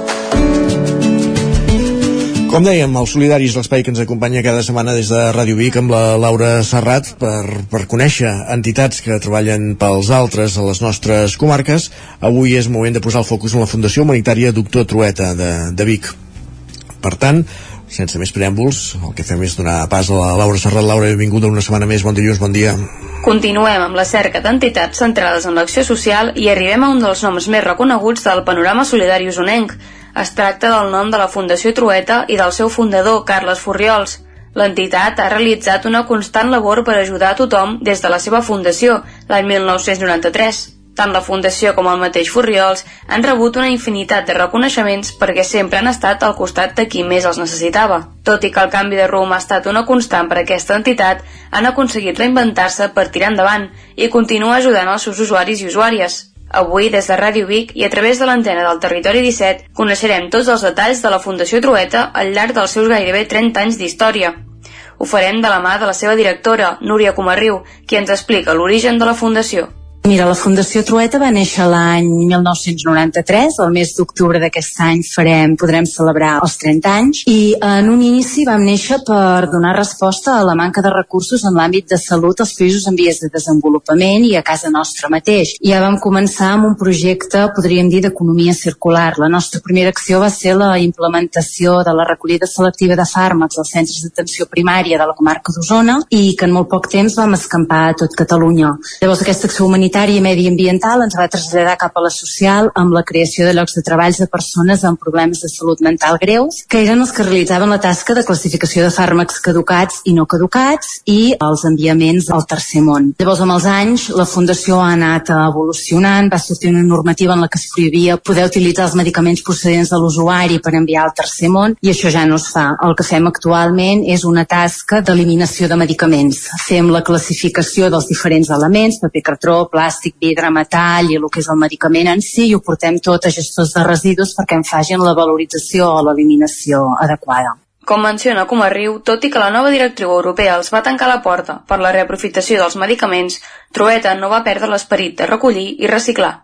La reinvenció els va obrir un món de possibilitats, el reciclatge de residus, tot i això, els últims no han estat anys senzills i la directora ens parla sobre com han viscut la pandèmia als seus usuaris i usuàries. Bueno, la pandèmia sí que els ha afectat molt més, no? Perquè per ells és molt important portar, portar un dia a dia repetitiu i poder fer sempre doncs, unes mateixes tasques. La pandèmia va trencar tot el seu projecte de vida que, que portaven. Es van veure obligats a tancar els primers 15 dies que hi va haver de més incertesa, la Fundació va tancar i per tant ells van estar 15 dies tancats a casa, tot això per ells va implicar un retrocés gran, però bueno, de seguida vam intentar tornar a la normalitat i sí que el que són els treballadors contractats van poder ja començar a venir a treballar, però tot el voluntari, que és un gruix molt important de persones, no els van poder inserir pràcticament perquè, bueno, pel tema de les normatives no, no, no era possible poder estar totes les persones a la trueta. I, bueno, clar, per ells sí que això, si a nosaltres ja ens afecta, doncs a ells encara els va afectar molt més. Com a Riu explica que un dels reptes més importants importants que els usuaris han d'enfrontar dia a dia és l'estigmatització de la societat. La seva lluita constant no és gens fàcil i és per això que la millor manera d'inserir-se és accedint al món laboral. A veure, ells tenen molt un problema que encara que parlem molt de la salut mental, continua estant molt estigmatitzada. Val? Els nostres treballadors doncs, són persones afectades per esquizofrènia, tenen, són bipolars, no? tenen malalties que la societat encara les estigmatitza molt. Llavors aquest és el principal problema amb els que ells han de fer front. Val? Ells, eh, nosaltres sempre hem dit que treballem perquè tinguin una integració social i la millor manera d'integrar aquestes persones a la societat és que tinguin feina, no? que es puguin puguin inserir uh, laboralment. Llavors aquesta és la nostra tasca, però bueno, continua sent un repte, trencar amb els estigmes que la societat encara tenim i que tractem aquestes persones. La directora explica que el camí a seguir per acabar amb aquest estigma social és treballar molt la inserció i demostrar que no estem en una societat homogènia. Jo crec que el camí a seguir és el que estem fent la gran majoria d'entitats, de treballar molt la inserció laboral i de que la societat vegi que totes les persones tenim dret a tenir oportunitats i que no estem en una societat homogènia, sinó que tots tenim característiques diferents i que hem de treballar molt per la diversitat i que fins que no aconseguim una societat més justa i que creiem en les diferències de les persones no podem anar bé. Tot i això, com a Riu detalla que, per part de les empreses que han fet ús dels seus serveis, mai han tingut cap reticència, precisament perquè, moltes vegades, treballen estretament amb empreses amb un compromís social. No, perquè jo crec que totes les empreses que contacten amb nosaltres o quan anem a veure una empresa ja són empreses que tenen una responsabilitat social no, que ja els fa ser més, més oberts en tot aquest tema. No? Llavors treballaran un primer cop amb nosaltres i si no ho fessin bé doncs és evidentment que canviaran d'empresa. Però per sort totes les empreses repeteixen perquè fem una feina, jo crec que diria que la fem impecable i la fem molt ben feta i per tant de moment per ara no hem tingut mai cap reticència d'empreses que ens diguessin que no per haver fet la feina mal feta o per treballar amb el col·lectiu que estem treballant. No, amb això no hem tingut problemes. Comarriu explica que a la Trueta són especialistes en gestió de residus i destrucció de documents confidencials. De fet, mensualment gestionen unes 8 tones de medicaments i 9 tones de documents. La directora ens detalla tots els projectes que tenen en marxa des de la Fundació. Des de sempre ja vam néixer pensant amb el medi ambient i amb l'economia circular. Llavors, actualment continuem fent el tema de la reutilització de medicaments i un dels últims projectes que estem treballant és el de la recuperació tèxtil. Com tots sabeu, el tèxtil genera un problema de residus molt gran. Tenim tones i tones i tones de residu tèxtil que actualment encara va a parar als abocadors. Llavors, nosaltres el que intentem fer és, amb una petita part del tèxtil que ens arriba a la Fundació i que no es pot portar a la venda a les botigues de segona mà, el reutilitzem i en fem altres creacions, no? Per exemple, d'una camisa de quadres, doncs en fem un drap de cuina o intentem reutilitzar tots aquests productes evitant que vagi a parar a l'abocador directament. Trueta també ha recuperat l'ajuda fora de les nostres fronteres, tot i que a petita escala. Ara per ara tenen dos projectes de salut a la República Democràtica del Congo i al Perú. Tot i la varietat, com el riu considera que els seus serveis no són massa coneguts. Jo crec que són poc coneguts vale? i que la gent encara no, no sap exactament què és el que estem fent. Val? Llavors tenim un problema comunicatiu que entenem que és nostre, de poder-nos obrir més a la societat i de donar-nos a conèixer. No crec que si féssim una enquesta i diguéssim què està fent la Fundació Trueta, es conegués el que estem fent actualment. No? Sí que la Fundació Trueta va ser molt coneguda quan portàvem a terme tots els projectes de cooperació al Tercer Món, però ara actualment que hem canviat o hem, hem redirigit el nostre àmbit de treball no, no és tan conegut. Com a Riu ens parla també del seu sistema de finançament per portar a terme els projectes socials de la Fundació. Doncs mira, actualment et diria que el 85% dels nostres ingressos econòmics provenen de la prestació de serveis que fem, vale? són ingressos propis. El 15% restant ve d'entitats públiques, sobretot de la Generalitat de, de Catalunya, del Departament de Treball i dels ajuntaments de Vic i de Manlleu i després de col·laboracions d'entitats privades. Hi ha entitats, doncs, Fundació Puigporret, Fundació Girbau, eh, la Fundació La Caixa, que també doncs, puntualment ens donen, ens donen diners per portar a terme projectes i llavors també tenim una fidelització de persones particulars que ens van donant el seu granet de sorra i amb això doncs, aconseguim tirar endavant la Fundació. Els ingressos propis són molt variats. La directora ens parla dels detalls de tots els serveis que ofereixen i que els permeten sustentar-se.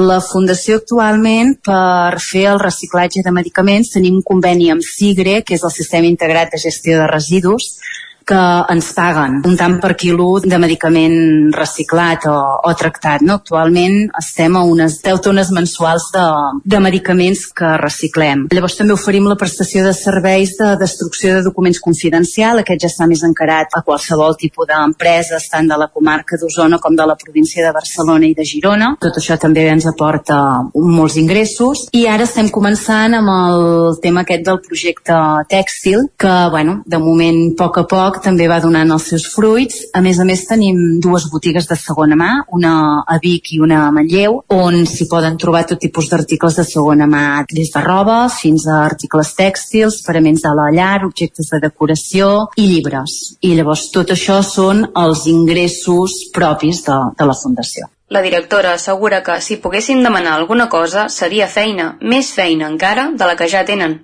De cara a les empreses també tenen diversos serveis, més enllà de la destrucció de documents confidencials, com ara l'aprofitació tèxtil dels uniformes que ja no es poden utilitzar. Tot i el bon funcionament actual, la directora afirma que no pensaven arribar tan lluny.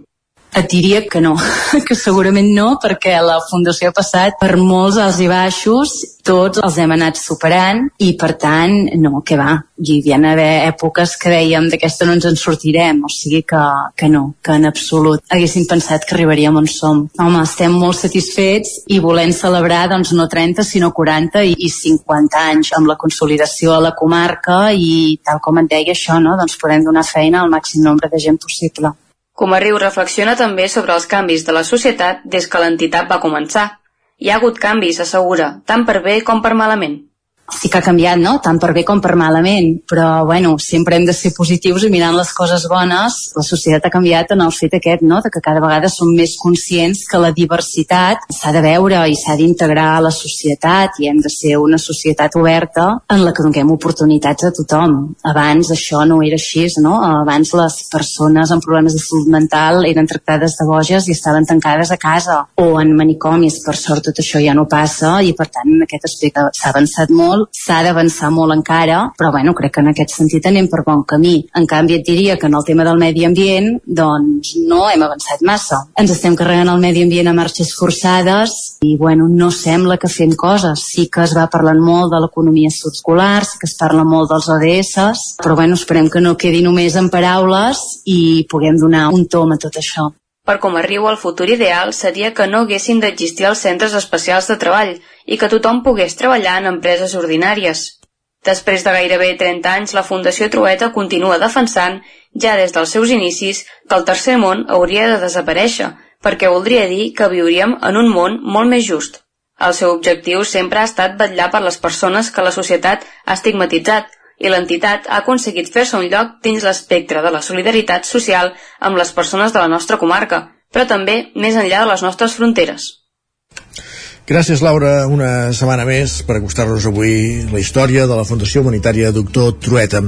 Moment d'arribar al punt de les 10 i ho fem com cada dia amb música i avui amb el grup de, del moment. Després d'omplir el Palau Sant Jordi dissabte, arribem al punt de les 10 amb Wake Up. Poques gràcies en companyia de Stay Homes des del seu darrer treball discogràfic a tope amb la vida. Les ganes que anés tot bé, érem com vaixells What? de paper. I don't wanna wake my dreams, I'm lost in my dreams I don't wanna wake up, I don't I don't wanna wake up Cause I'm lost in my dreams, I'm lost in my dreams I just wanna make up with me Ja sabem que estem bé, no hem trobat un perquè Si demà ja no hi som, equivoquem-nos bé I pot semblar que tinc temps d'escoltar com tu i tu i tu faríeu millor donant la culpa als altres. Però saps que si no la cagues no avances. I és per això que tant tant t'encalles i et falles a tu. Fas trampes. Vas donant la culpa als altres. Però saps que si no la cagues no avances. I és per això que tant tant tant tant t'encalles i et falles a tu. I don't wanna wake up Cause I'm lost in my dreams, I'm lost in my dreams. I don't wanna wake up, I don't, don't. I don't wanna wake up. Cause I'm lost in my dreams, I'm lost in my dreams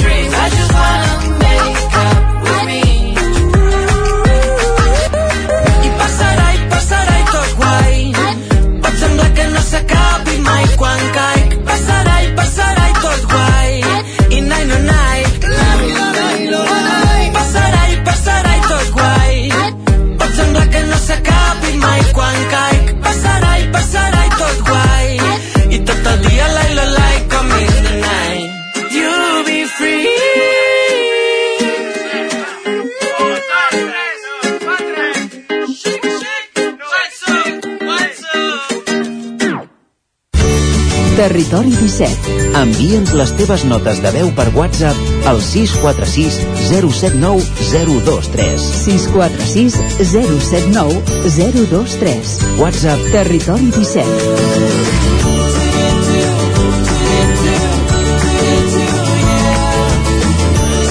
Territori 17. Som a Facebook, Twitter i Instagram amb l'usuari Territori 17.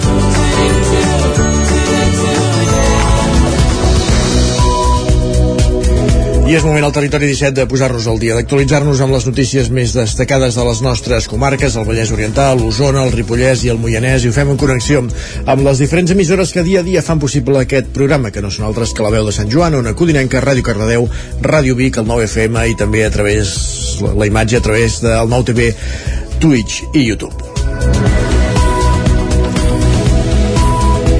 Mor el propietari de Grues Peix en un accident laboral en una pista forestal entre Sant Joan de les Abadesses i Vallfogona. Isaac Muntades, la veu de Sant Joan tràgic accident el que es va produir aquest diumenge al migdia entre Sant Joan de les Abadeses i Vallfogona de Ripollès. El propietari de l'empresa Grues Peix de Ripoll, Josep Peix, de 56 anys, va morir en un accident laboral cap a quarts d'una. Peix es trobava remolcant un vehicle amb la seva grua a la pista forestal coneguda com les Llances entre aquestes dues poblacions. Fins al lloc dels fets s'hi van traslladar diverses patrulles dels Mossos d'Esquadra, bombers de la Generalitat de Catalunya i efectius del sistema d'emergències mèdiques, però no van poder salvar-li la vida. Josep Peix Melero era una persona molt coneguda al Ripollès i estava al capdavant de Grues Peix, que és una empresa que va crear el seu pare als anys 60 del segle passat. Les mostres de condol no es van fer esperar i entitats esportives com el Club Futbol Ripoll, on juga el seu fill Adrià Peix, o del Club Esportiu Abadesenc, on havia jugat anteriorment, es van sumar al dol a través de missatges a les xarxes socials. Una de les notícies d'impacte, com dèiem, d'aquest diumenge al Ripollès. Més qüestions, el conseller d'Interior, Joan Ignasi Helena, fa una visita institucional a Vic en la que apunta que la capital d'Osona està per sota de la mitjana dels fets delinqüencials per cada mil habitants a Catalunya. Sergi Vives. Divendres el conseller d'Interior, Joan Ignasi Helena, va fer una visita institucional a l'Ajuntament de Vic acompanyat per l'alcaldessa, Anna R, la delegada del govern a la Catalunya Central, Montse Berniol, i la regidora de Convivència i Seguretat, Elisabet Franquesa. Una visita que va servir per fer una junta local de seguretat per explicar al, al conseller quina és la situació actual de la ciutat i per visitar les instal·lacions dels Mossos d'Esquadra. R va assegurar que és una ciutat segura. Nosaltres sempre diem doncs, que és una ciutat tranquil·la, que està en general els temes doncs, amb números molt controlats, però això no vol dir que ens passin coses. Eh? És una ciutat viva, molt dinamisme i evidentment trobem incidents que puguin ser i que puguin crear doncs, a vegades més que una preocupació, una alta percepció d'inseguretat.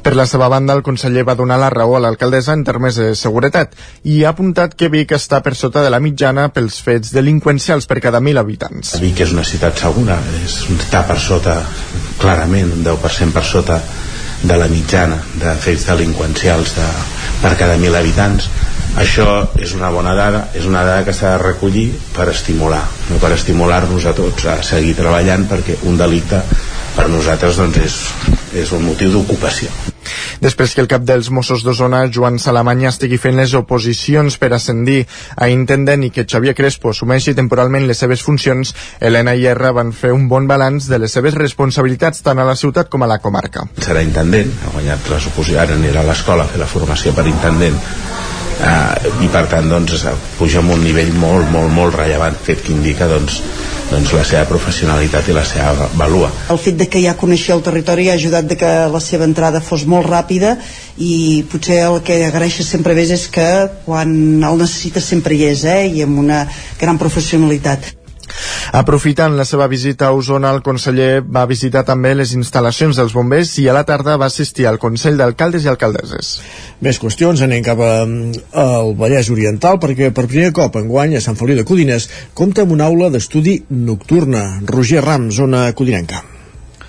Doncs sí, aquest servei eh, s'ha pensat perquè els joves del poble que ho vulguin puguin anar-hi a estudiar i preparar així els seus exàmens i s'ha ubicat dins l'edifici de l'Ajuntament en una sala anexa a la Biblioteca Municipal.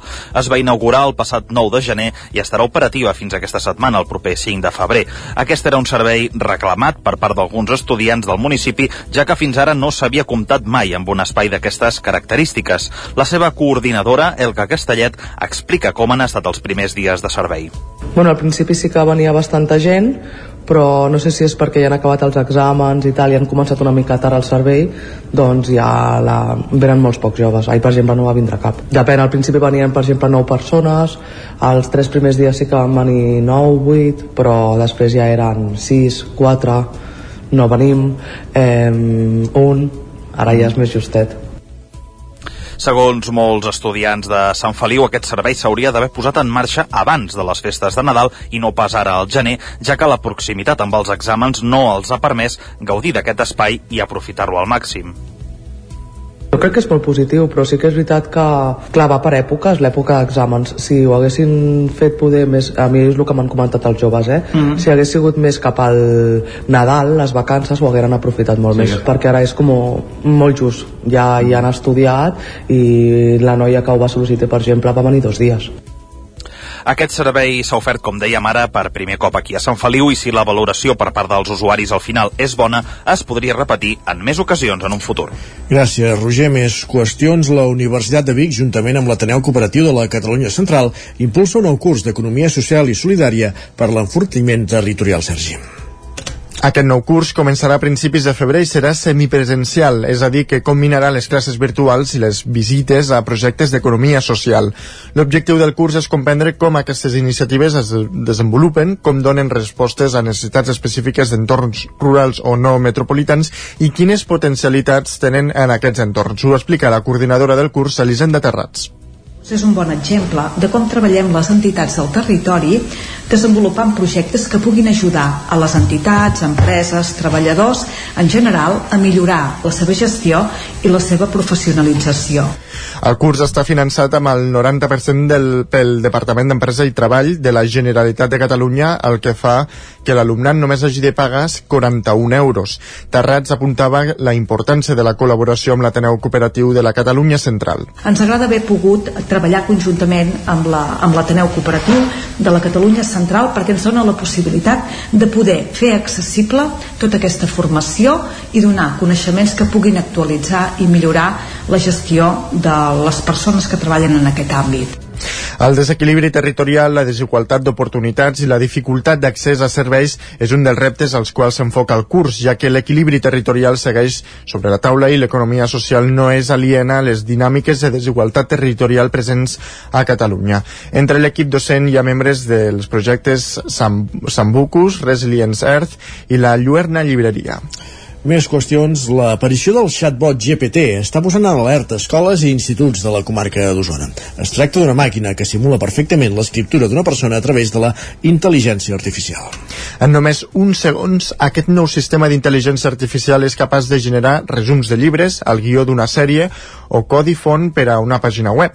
Això genera mm, temors al fet que els alumnes ho aprofitin per estalviar-se redactar treballs escolars i és que la perfecció d'aquest GPT fa que sigui realment molt difícil de detectar. Davant d'aquesta preocupació, alguns centres ja estan plantejant modificar certs sistemes d'avaluació. És el cas de l'Institut Sirvianum de Torelló, que ho explica la seva cap d'estudis, Montse Carrera. Sí que ens plantegem a veure si potser canviar la, la rúbrica o la puntuació i donar més pes a la part de presentació oral, de la part pràctica o així, no tant a la part aquesta més teòric o de redacció per evitar aquest problema. El que passa que ho estem refent ara, eh? Des d'una perspectiva més experta en informàtica, Ramon Reig, adjunt al vicerectorat d'Ordenació Acadèmica de la Universitat de Vic i Investigació i investigador del grup de recerca Digital Care, ha alertat dels perills de treballar amb el chatbot GPT. Tampoc sabem eh, d'on treu la font d'informació. No sabem aquesta, en què es basa aquestes afirmacions o aquestes eh, explicacions que ens fa, d'on surten. Sabem que surten de moltes dades que han recollit mentre l'entrenaven, però no sé que les fonts, no sabem si és veraç el que explica o és una connexió de temes que no podien estar connectats, no sabem, tot això no se sap. La idoneïtat d'aquest sistema informàtic està generant debat arreu.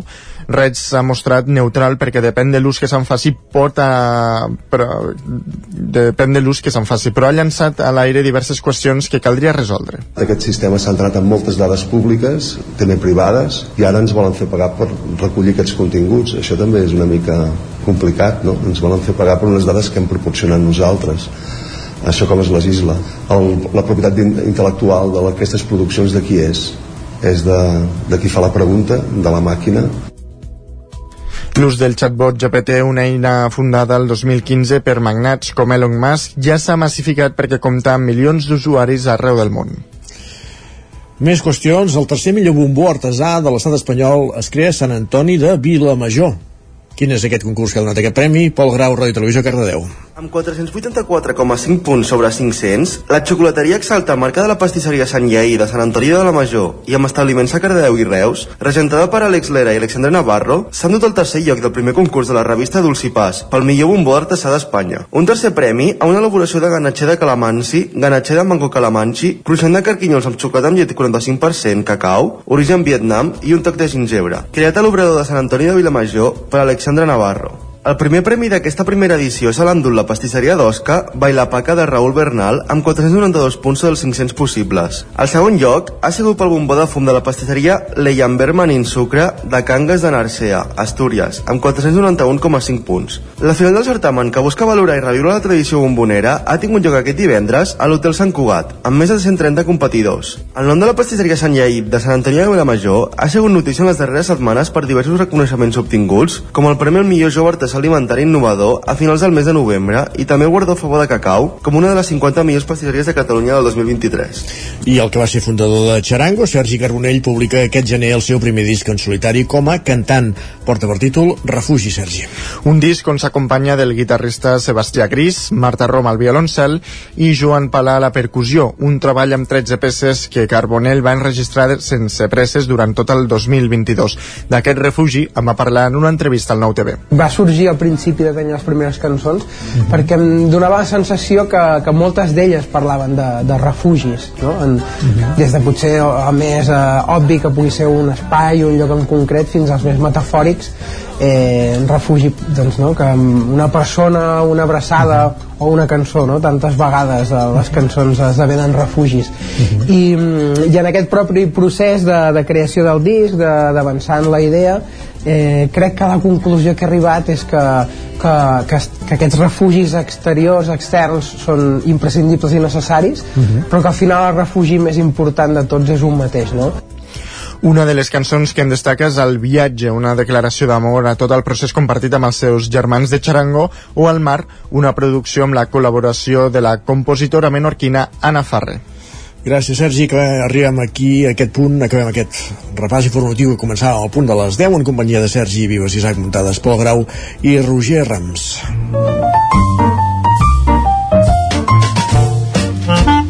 Casa Terradellos us ofereix el temps. I és moment al territori 17 de saludar de nou en Pep Acosta per saber la previsió del temps per les properes hores. Pep, bon dia. Hola, molt bon dia. Tenim l'anticicló que serà l'amo i senyor de la situació. I sembla que va per molt i molt llarg aquest anticicló. I estarà bé, estarà bé per aquí aquestes nostres latituds i s'hi quedarà forces, forces dies. Què vol dir això? Inversió tèrmica, com he dit, més fred eh, a les valls que a alta muntanya, boires, atenció, eh, cap a Moianès, Baja, eh, Moianès, Osona, perdó, Ripollès, algunes zones del Vallès, boires importants, eh, compte a l'hora de conduir, eh, compte amb, amb, amb aquesta mala visibilitat que hi haurà, i els llocs on hi ha boira vol dir molt i molt de sol. Eh, cap possibilitat de precipitacions aquesta setmana. Les temperatures màximes aniran pujant, eh, si la setmana que passada no hi havia 10 graus gairebé en lloc, aquesta setmana moltes màximes entre els 12 i els 16 graus, per tant ambient suau al migdia, les nits continuaran força, força fredes. I l'única l'única excepció serà els jocs amb boira. Les boires cada dia seran més intenses i més extenses a les planes i per tant les temperatures no superaran els 4-5 graus. Ja anem informant de com van aquestes boires, però són boires ja bastant persistents aquesta setmana.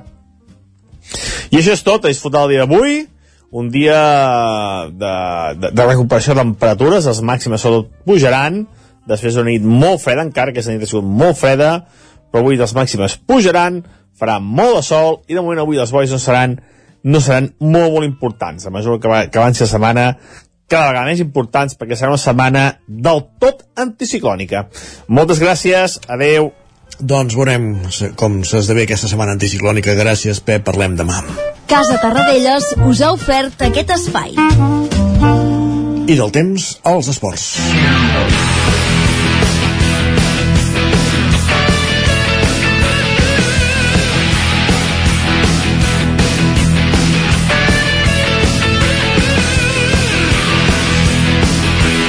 Perquè és moment al territori 17 de conèixer, d'aprofundir en la jornada esportiva del cap de setmana, de saber quins han estat els resultats dels partits que us avançàvem divendres a l'agenda. Ja sabeu que aquest repàs esportiu el fem en roda per les emissores del territori 17 i anem fins a Ràdio Televisió Cardeu. Allà hi tenim en Pol Grau. Benvingut, Pol. Bon dia. Bona setmana. Com comença la setmana? Com ha anat la jornada? Malament. Malament, en futbol no, en futbol no hem tingut sort aquest cap de setmana. Doncs va, som-hi, explica'ns-ho. Comencem el primer equip del Cardedeu, que jugava contra els primers classificats, l'Argentona, on va perdre el camp de l'Argentona per un únic gol, un gol a 0. Uh, això fa que el Cardedeu perdi la segona posició davant del Masnou per un punt. El filial que jugava a casa també va perdre davant del Vilanova Vallès per un gol a 2. Van, fins al minut 80 anaven un, un a 1 i els últims 5 minuts els visitants, el Vilanova, va aconseguir marcar el gol de la victòria, el 1-2. El Llinàs també jugava a casa i va perdre contra el Santa Perpètua per 0-2. Els locals no van aconseguir marcar i eh, perden la seva posició, que anaven a, van perdre la novena posició davant del Santa Perpètua, que ara el Llinàs va de amb 21 punts i el Cardedeu amb 11 amb 18. Uh, L'única victòria que tenim de futbol és a primera catalana amb el Granollers, que jugava a casa contra el Manlleu, on va aconseguir impulsar-se per dos gols a zero, i a la Lliga EVA, a bàsquet, sí que el Granollers va aconseguir guanyar contra l'Ibersol Ibersol Tarragona per 75 a 80, el bàsquet a, a Llinas també van aconseguir guanyar contra el Mataró Parc Boet eh, per 60 a 65 i acabem amb el CAC 7 femení, el Granollers, amb vol, que va aconseguir superar la segona ronda de la Copa de la Reina eh, davant del davant del Morverdre per 26 a 27 per un gol només on va necessitar la pròrroga eh, per, per aconseguir passar de fase a la, fi, a fase final on jugaran el, a Màlaga del 21 al 23 d'abril D'acord, doncs ja si la cosa millora en les properes jornades. Gràcies, Pol, fins ara. A tu. Continuem, anem fins a una codinenca, allà ens hi espera un dia més en Roger Rams. Roger, com ha la jornada? Bon dia. Què tal? Bon dia. Doncs mira, avui vinc cofoi, eh, amb el pit inflat, perquè Sí, si la setmana passada això era un funeral, aquesta setmana eh, han girat les tornes, han girat les tornes i ha anat prou, prou bé pels equips de la nostra zona, tant del Vallès com del Moianès, i fem, fem aquest repàs, perquè ho fem, ho fem començant parlant de futbol. A la primera divisió catalana, el Caldes va sumar una victòria molt necessària dissabte en la seva visita al camp del Torelló. Marc Estrada i Jaume Ramoneda van ser els autors de les dues dianes calderines que després d'aquesta jornada deixa l'equip en onzena posició, allunyant-se una mica més de les temudes places de descens.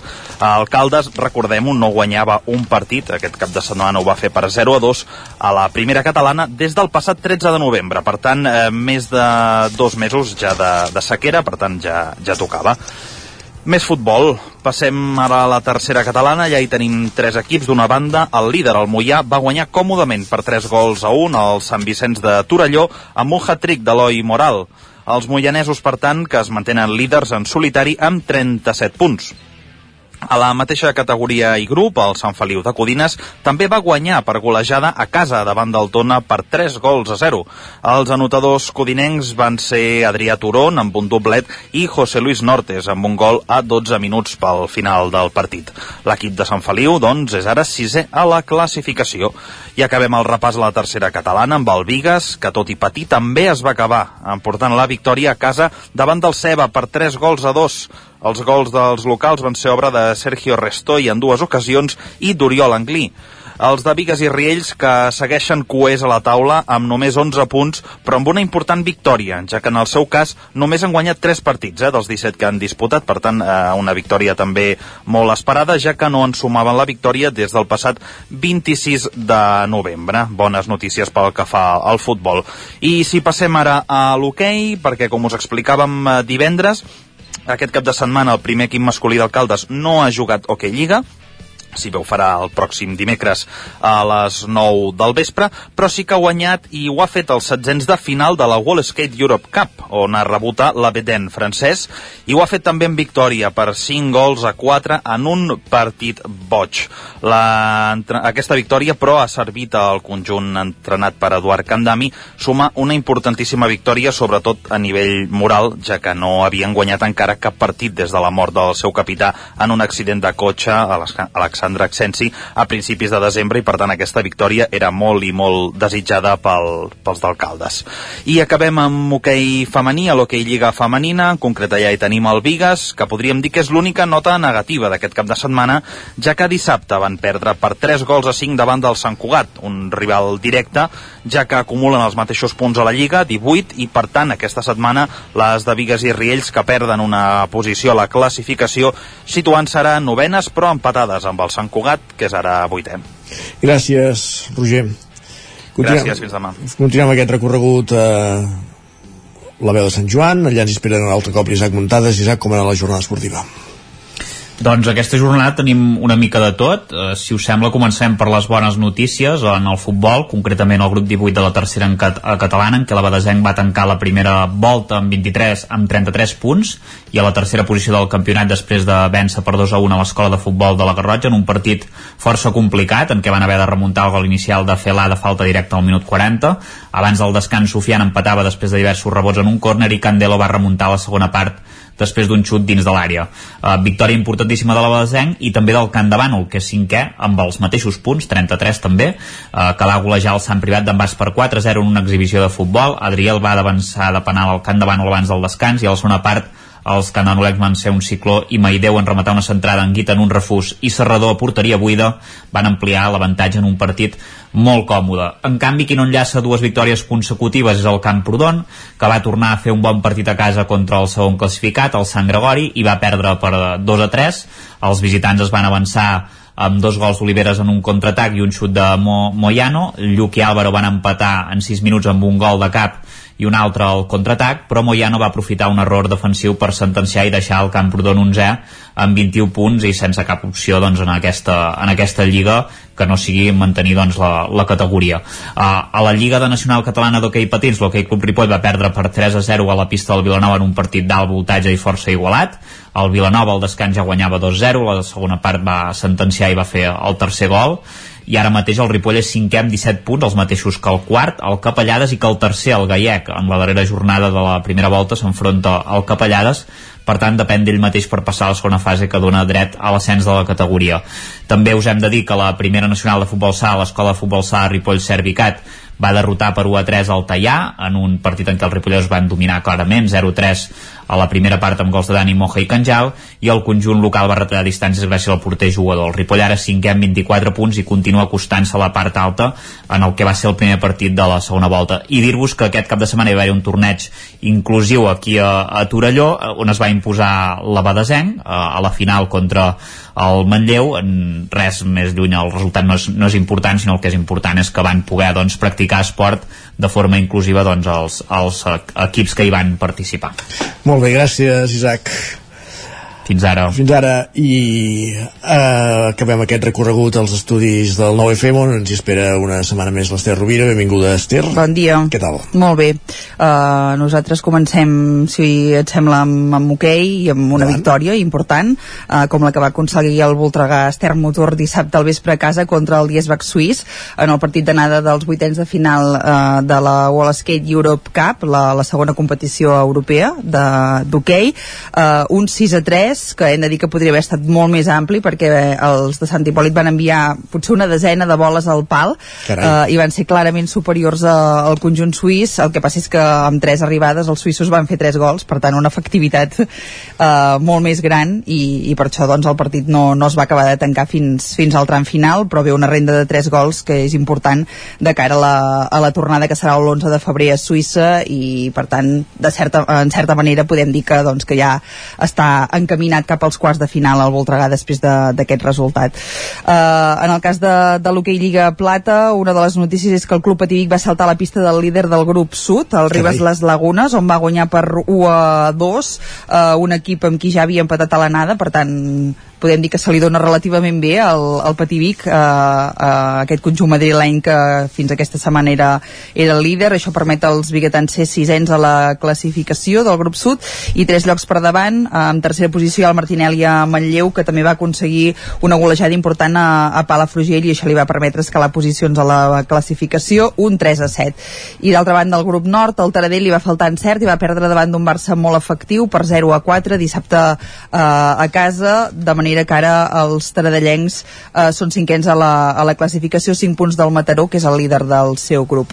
En el cas de l'hoquei Lliga Femenina, eh, cara i creu per als dos conjunts usonencs, festiga, Festival de Gols a Manlleu, un 7 a 5, Carai. entre les malleuenques i el Mataró, en un partit on doncs, això, les de Jordi Boades van retrobar amb la victòria en un partit boig amb aquests eh, pilot de gols que, que veiem però on van poder guanyar mentre que el Voltregà tenia un desplaçament complicat visitava el Vilassana, el segon classificat i va tornar-ne golejat per, per 7 a 1.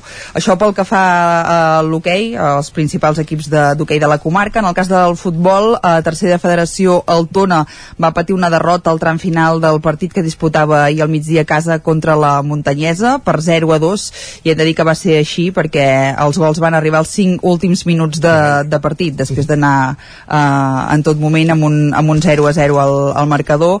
Un Tona que continua desè a la classificació d'aquest grup 5 i a la primera catalana només eh, va guanyar el Vic que va aconseguir una bona victòria a Banyoles eh, per la mínima en un partit que van tenir controlat en tot moment. Eh, un Vic és quart a la, a la classificació mentre que el Manlleu va pagar car eh, el primer temps que va fer la seva visita a Granollers, van sortir adormits, sense idees, i van perdre per, per 2 a 0, i derrota també de, del Torelló a casa eh, contra el Caldes eh, per 0 a, a 2, eh, i aquesta ja eh, doncs és, el, és el quart partit sense guanyar dels torellonencs, que són 13 a la classificació, mentre que el Manlleu, no ho hem dit, eh, és desè, eh, i si et sembla... I el, ah, i el Vic femení? Sí, el Vic primer femení es va imposar a casa contra el Casablanca per, per 2 a 0.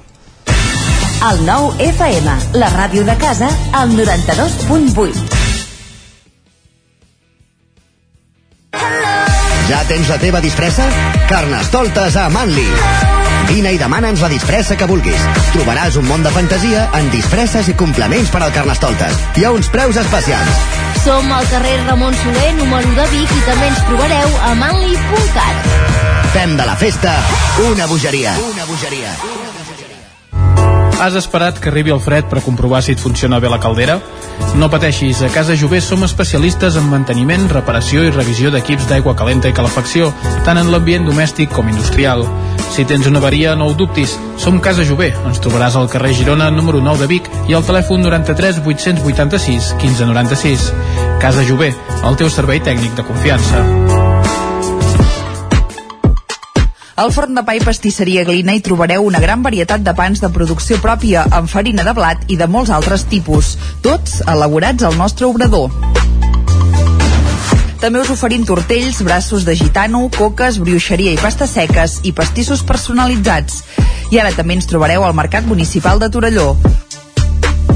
Forn de Pa i Pastisseria Glina, carrer Major número 9 de Sant Vicenç de Torelló i Mercat Municipal de Torelló. Bon dia, us truco del servei tècnic oficial de Bailand. Hem detectat que la pressió de la seva caldera està baixant. No me n'havia adonat. Com es pot solucionar? Ho resoldrem en uns minuts. No espereu més. Amb el servei de manteniment ServiPlus Connect de Bailand, preocupeu-vos del que realment importa. Nosaltres ens encarreguem de la vostra caldera. Informeu-vos a connectivitat.bailand.es. Cocodril Club. Si t'agrada la bona música dels anys 60, 70 i 80, escolta el 9 FM als matins de dissabtes i diumenges d'11 a 1. És el temps del Cocodril Club, tot un clàssic de la ràdio, amb les bases del pop-rock, les llegendes, les cançons que s'han convertit en autèntics himnes. Recorda, dissabtes i diumenges al matí, d'11 a 1, al 9 FM 92.8. Cocodril Club, el programa revival de l'Albert Malla. Hasta luego, Bon dia, són les 9 al Territori 17. La Miquel Parella, comptable. Cada matí i durant dues hores t'acompanyem i et posem al dia de l'actualitat de casa nostra. Potenciant així l'autonomia En aquest cas me la peça el teler si no... Cursos per feminitzar el pensament masculí. Territori 17, el magazín matinal d'Osona, el Moianès, el Ripollès i el Vallès Que Oriental. la meva àvia de 93 El anys... 9FM, el 9TV, el 99.cat i també els nostres canals de Twitch i YouTube. demà per fer-se un tatuatge. Cada matí, Territori 17. Ole. Anuncia't al 9FM. La ràdio de casa. 9 3 8 8 9 4 9 4 9 Publicitat arroba al 9FM.cat. Anuncia't al 9FM. La publicitat més eficaç. Dos quarts d'onze al territori 17.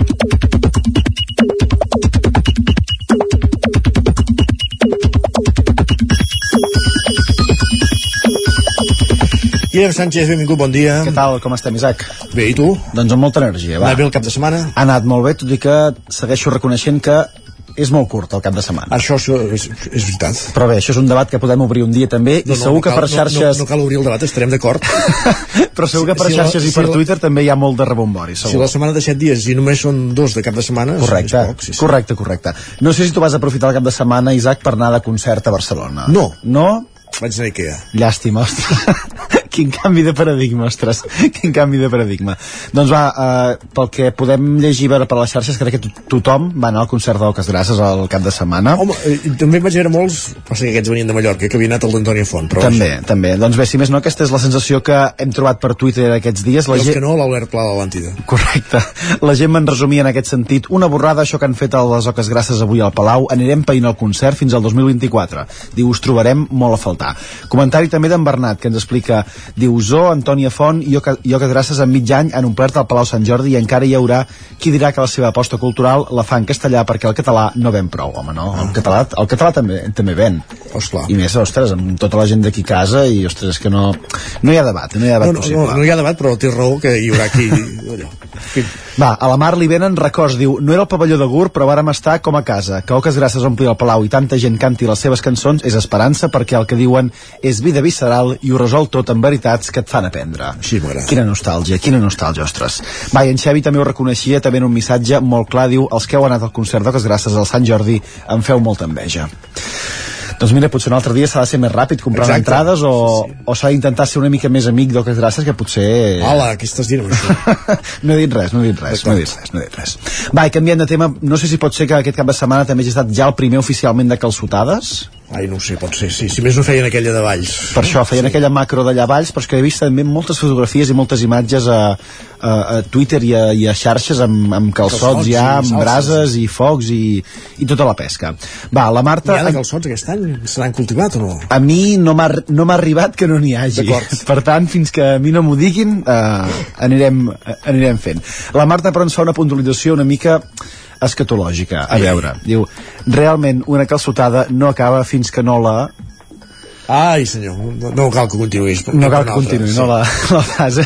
En Jordi per això li respon i li diu doncs a vegades pots començar-ne una sense haver acabat l'altra. Uh, també és cert que, clar, tot, tot té una mesura. Si fem com aquell que va guanyar el concurs de menjar-ne Ostres. a Valls, que en va 200 i... 200 i pico en que eren Quina 40 nece- o quina necessitat 45 hi ha? Quina minuts. necessitat hi ha de, de petxar d'aquesta manera? Jo t'he dit que si me'n menjo 15 o 20 crec que ja, ja fas el cupo, Sí, perquè sí. de fet has de deixar lloc per la carn a la brasa i per tot el que ve Bueno, sí, abans i després, no?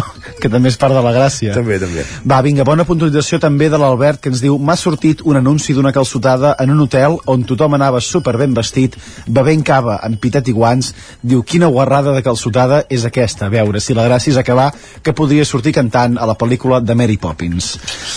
És la gràcia. La, la calçotada no, té, no fa diferències socials, tampoc. Per això t'has d'embrutar una mica, no? Quan vas a fer una calçotada t'has de poder tacar el jersei, t'has de poder, no sé, eh, tacar les mans també. També, i... també. És que si no taques les mans no vagis calçots, ja t'ho dic ara. Va, i si algú vol pot fer feliç a la Clàudia que ens ha escrit el següent. Diu, necessito una calçotada ja. Carai. Doncs que es posin en contacte amb ella. Calçotades a domicili. Sí, correcte. I la Martina també vol gaudir d'aquesta gran tradició. De fet, diu, si realment m'estimes, digue'm una data per fer una bona calçotada. Home, és un bon acte d'amor, eh? Convidar algú a una calçotada i fer-li els calçots. Perquè la gràcia no és només anar-hi, sinó qui fa la feina bruta de fer la... Eh, bueno, brasa, brasa no, de fer, de fer el foc, de poder-los coure i que llavors te'ls puguis menjar allò acabats de, de fer. Ara seré el borde de turno, però les calçotades estan sobrevalorades. Va, què Va, més? vinga, i per acabar la secció una reflexió que desprèn molt i molt optimisme, a més avui que som dilluns. Ens escriuen, si t'aixeques cada matí desitjant que acabi ja la jornada laboral, si els dilluns només penses en que arribi ja el divendres i si el gener esperes amb ànsies les pròximes vacances, benvingut al club de la gent que està fins aquí de ser pobre. Soc la presidenta, un plaer.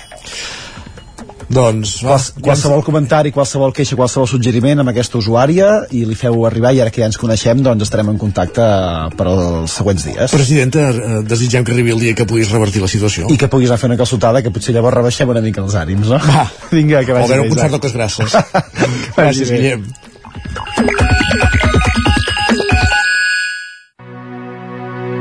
Territori 17. El 9 FM, la veu de Sant Joan, Ona Codinenca, Ràdio Cardedeu, Territori 17. Perquè també han passat altres coses més enllà del concert de- d'Oques Grasses aquest cap de setmana. Parlem d'esports.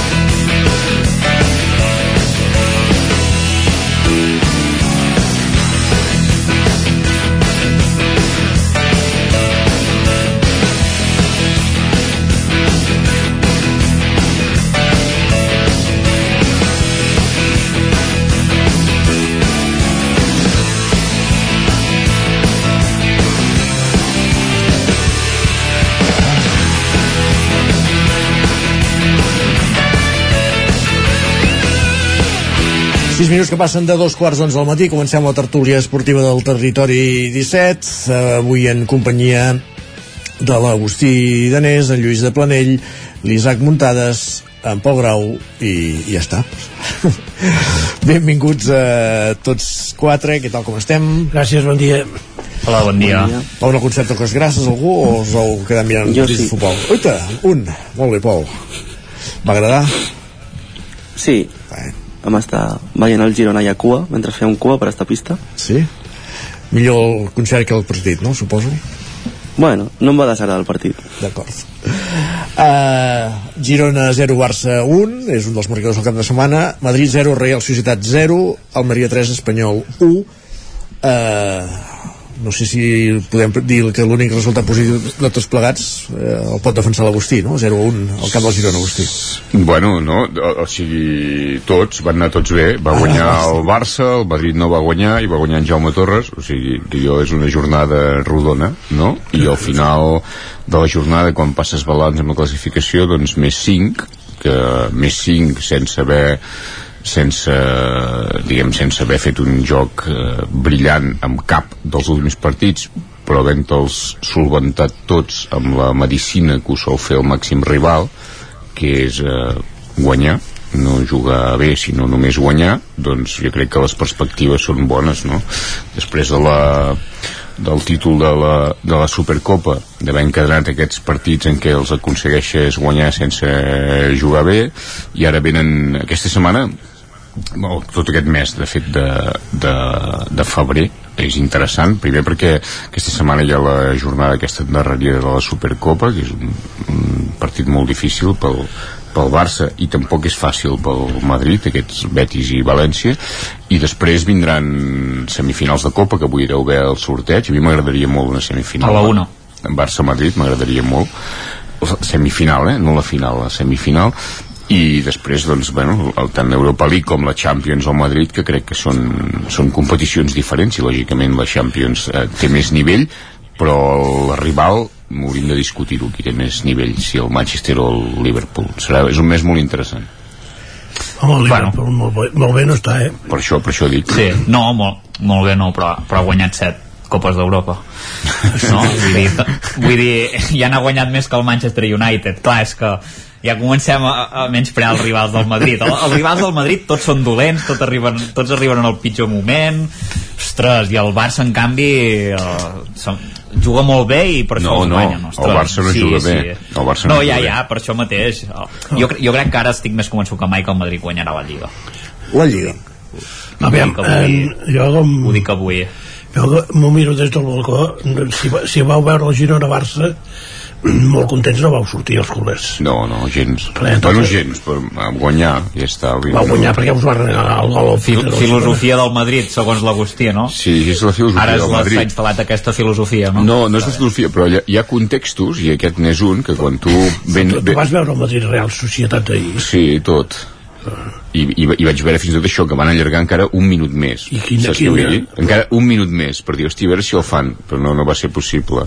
La Real Societat jugava amb un equip... La Un, és una... un, un minut més ho diuen eh, els àrbitres a la majoria dels partits No, no, quan va- veuen que els jugadors perden el temps em, em, va, em va allargar 5 que, que déu nhi i llavors un mes encara bueno, està bé Però això passa. Va, van, van quedar 0-0 mm, bueno, un partit, la Real Societat té, una, té un, aleshores, ho, diguem, està en un bon moment, ho fa bé, és un equipet, vull dir, jo pel Barça la Real Societat n'aprofitaria poder dos, Uh, només és un equipet que, bueno, que, que, que va fent i que, i, i que, i que acabaran, acabaran tercers o un, un quarts equipet que va eliminar la Copa del Rei perquè el porter, que ahir va estar molt bé, us va regalar el gol d'en Dembélé.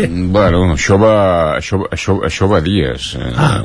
això va dies. La Real Societat, és, jo, a mi m'agrada la Real Societat, eh? Home, té un mèrit extraordinari, home. Sí, però és un equipet. Va, Vull dir, va, no, va, és un va davant equipet. Va, eh, va primer perquè el Madrid i el Barça no hi compteu, no hi compteu en aquest doncs, cas Bueno, si tu mires així sí, però em refereixo que, que no...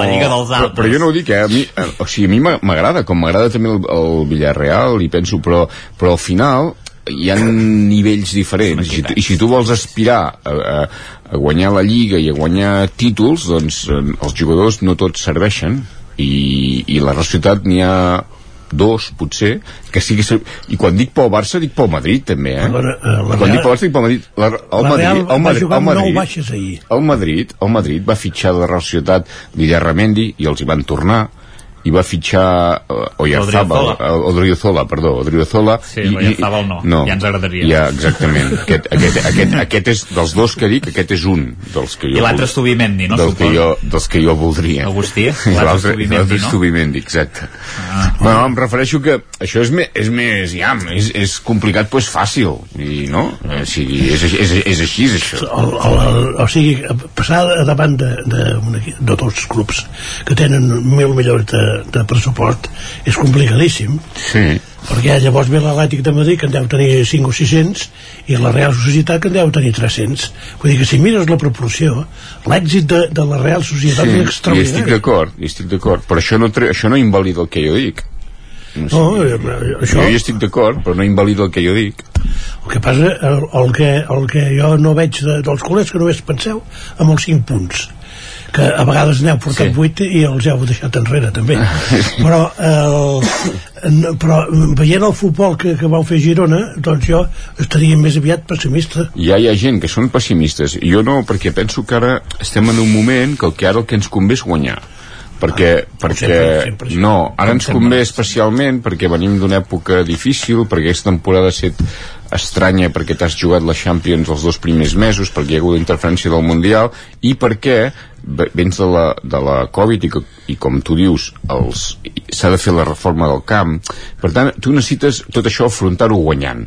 Guanyant per tornar a reactivar el cercle i el cercle és eh, els ingressos i els ingressos van lligats a les victòries i les victòries van lligats als resultats i per tant això, aquests tres factors jo ara crec que són més importants que no pas el jugar bé. Que llavors a més a més si tu jugues bé normalment guanyes d'acord. Però ara ara toca això És perquè ara, ara, ara necessita que- que jugar a futbol. no, és que va lligat. És que no és diferent. És No. que l'equivocació és que és una, és, ho planteges com una disjuntiva i no és cap disjuntiva. Home, no. no, no és cap disjuntiva perquè si tu, si tu tens resultats guanyaràs i si guanyes tindràs ingressos i si tindràs ingressos podràs fitxar i si fitxes agafaràs els bons. I si no has de conformar-te sí, sí, sí, sí, sí, sí, Coutinho, sí, Però, però, però, els, sí, sí, però els sí. bons se suposa que estan a Sempre- casa, Agustí, amb el planter, eh? sempre et pots Els bons estan al planter. sempre et pots equivocar. Jo no m'equivocaria gaire. Si jo fitxés no Coutinho, m'equivocaria gaire. Bellerín.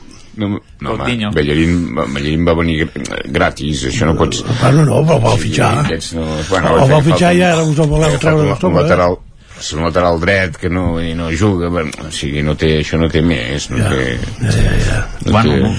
Generació jo de potser m'equivocaria molt poc m'equivocaria molt Però, poc tu, secretari tècnic, no? m'equivocaria molt poc D'aquí res veurem a la portada de l'Esport i el Mundo Deportiu Agustí Danés eh, abandona el 9-9 i fitxa com a secretari esportiu de, del Futbol Club Barcelona Mateu Ale bueno. Alemany, mm, secretari tècnic. Mateu, sí, exacte, Mateu Alemany passa a ser el seu, el seu súbdit.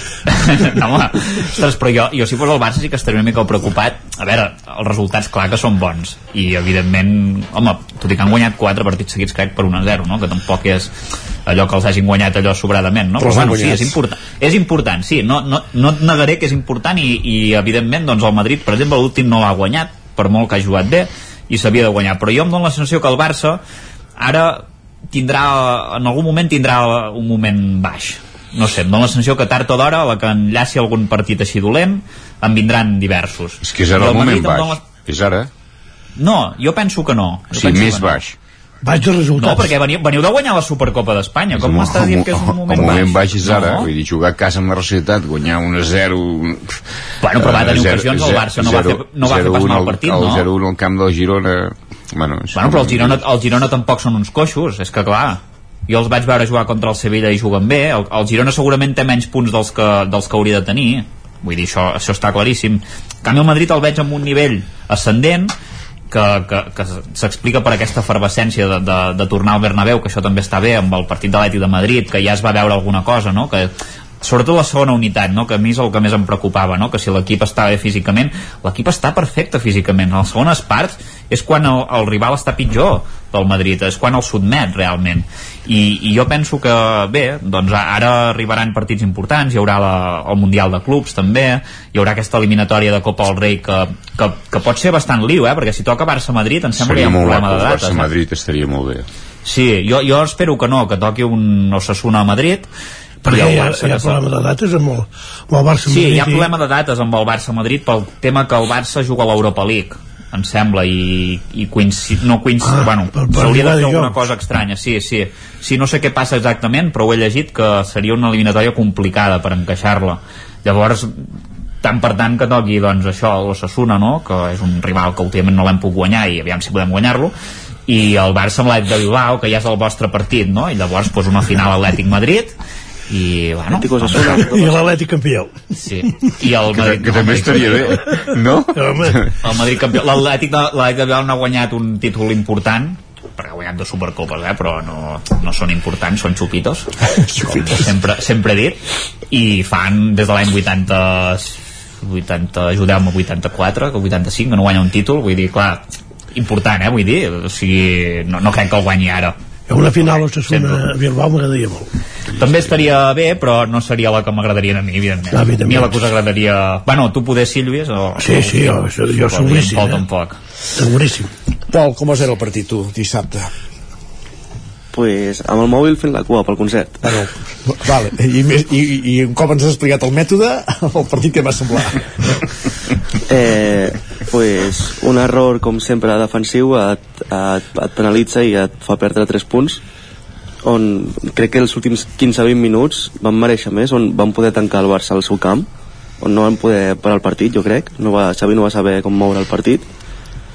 I amb els canvis que va fer Mitchell, que un altre cop ha expulsat per queixar-se, que els equips petits crec que surten perjudicats en expulsions, eh, ens fa perdre els 3 punts que jo crec que un 0-0 un altre cop, una altra jornada més sense encaixar, encaixar gol a porteria sense mantenir la 0 eh, eh, eh, penalitza 3 punts però crec que estem durant un, tenim bon equip eh, podem anar a camps com el del Madrid l'Atlético amb el Barça i podem jugar de tu a tu que no ens hem de tancar ni podem jugar, nostra, podem jugar la idea que té Mitchell que és sortir des de darrere jugar, jugar pilota i no tirar pilotes a, a, amunt a, a, cap Estuani com feien fa dos, uns pare, un parell d'anys que no és ja l'Estuani dependència que tenim abans A- En Gazzaniga va cantar més que Josep Montero?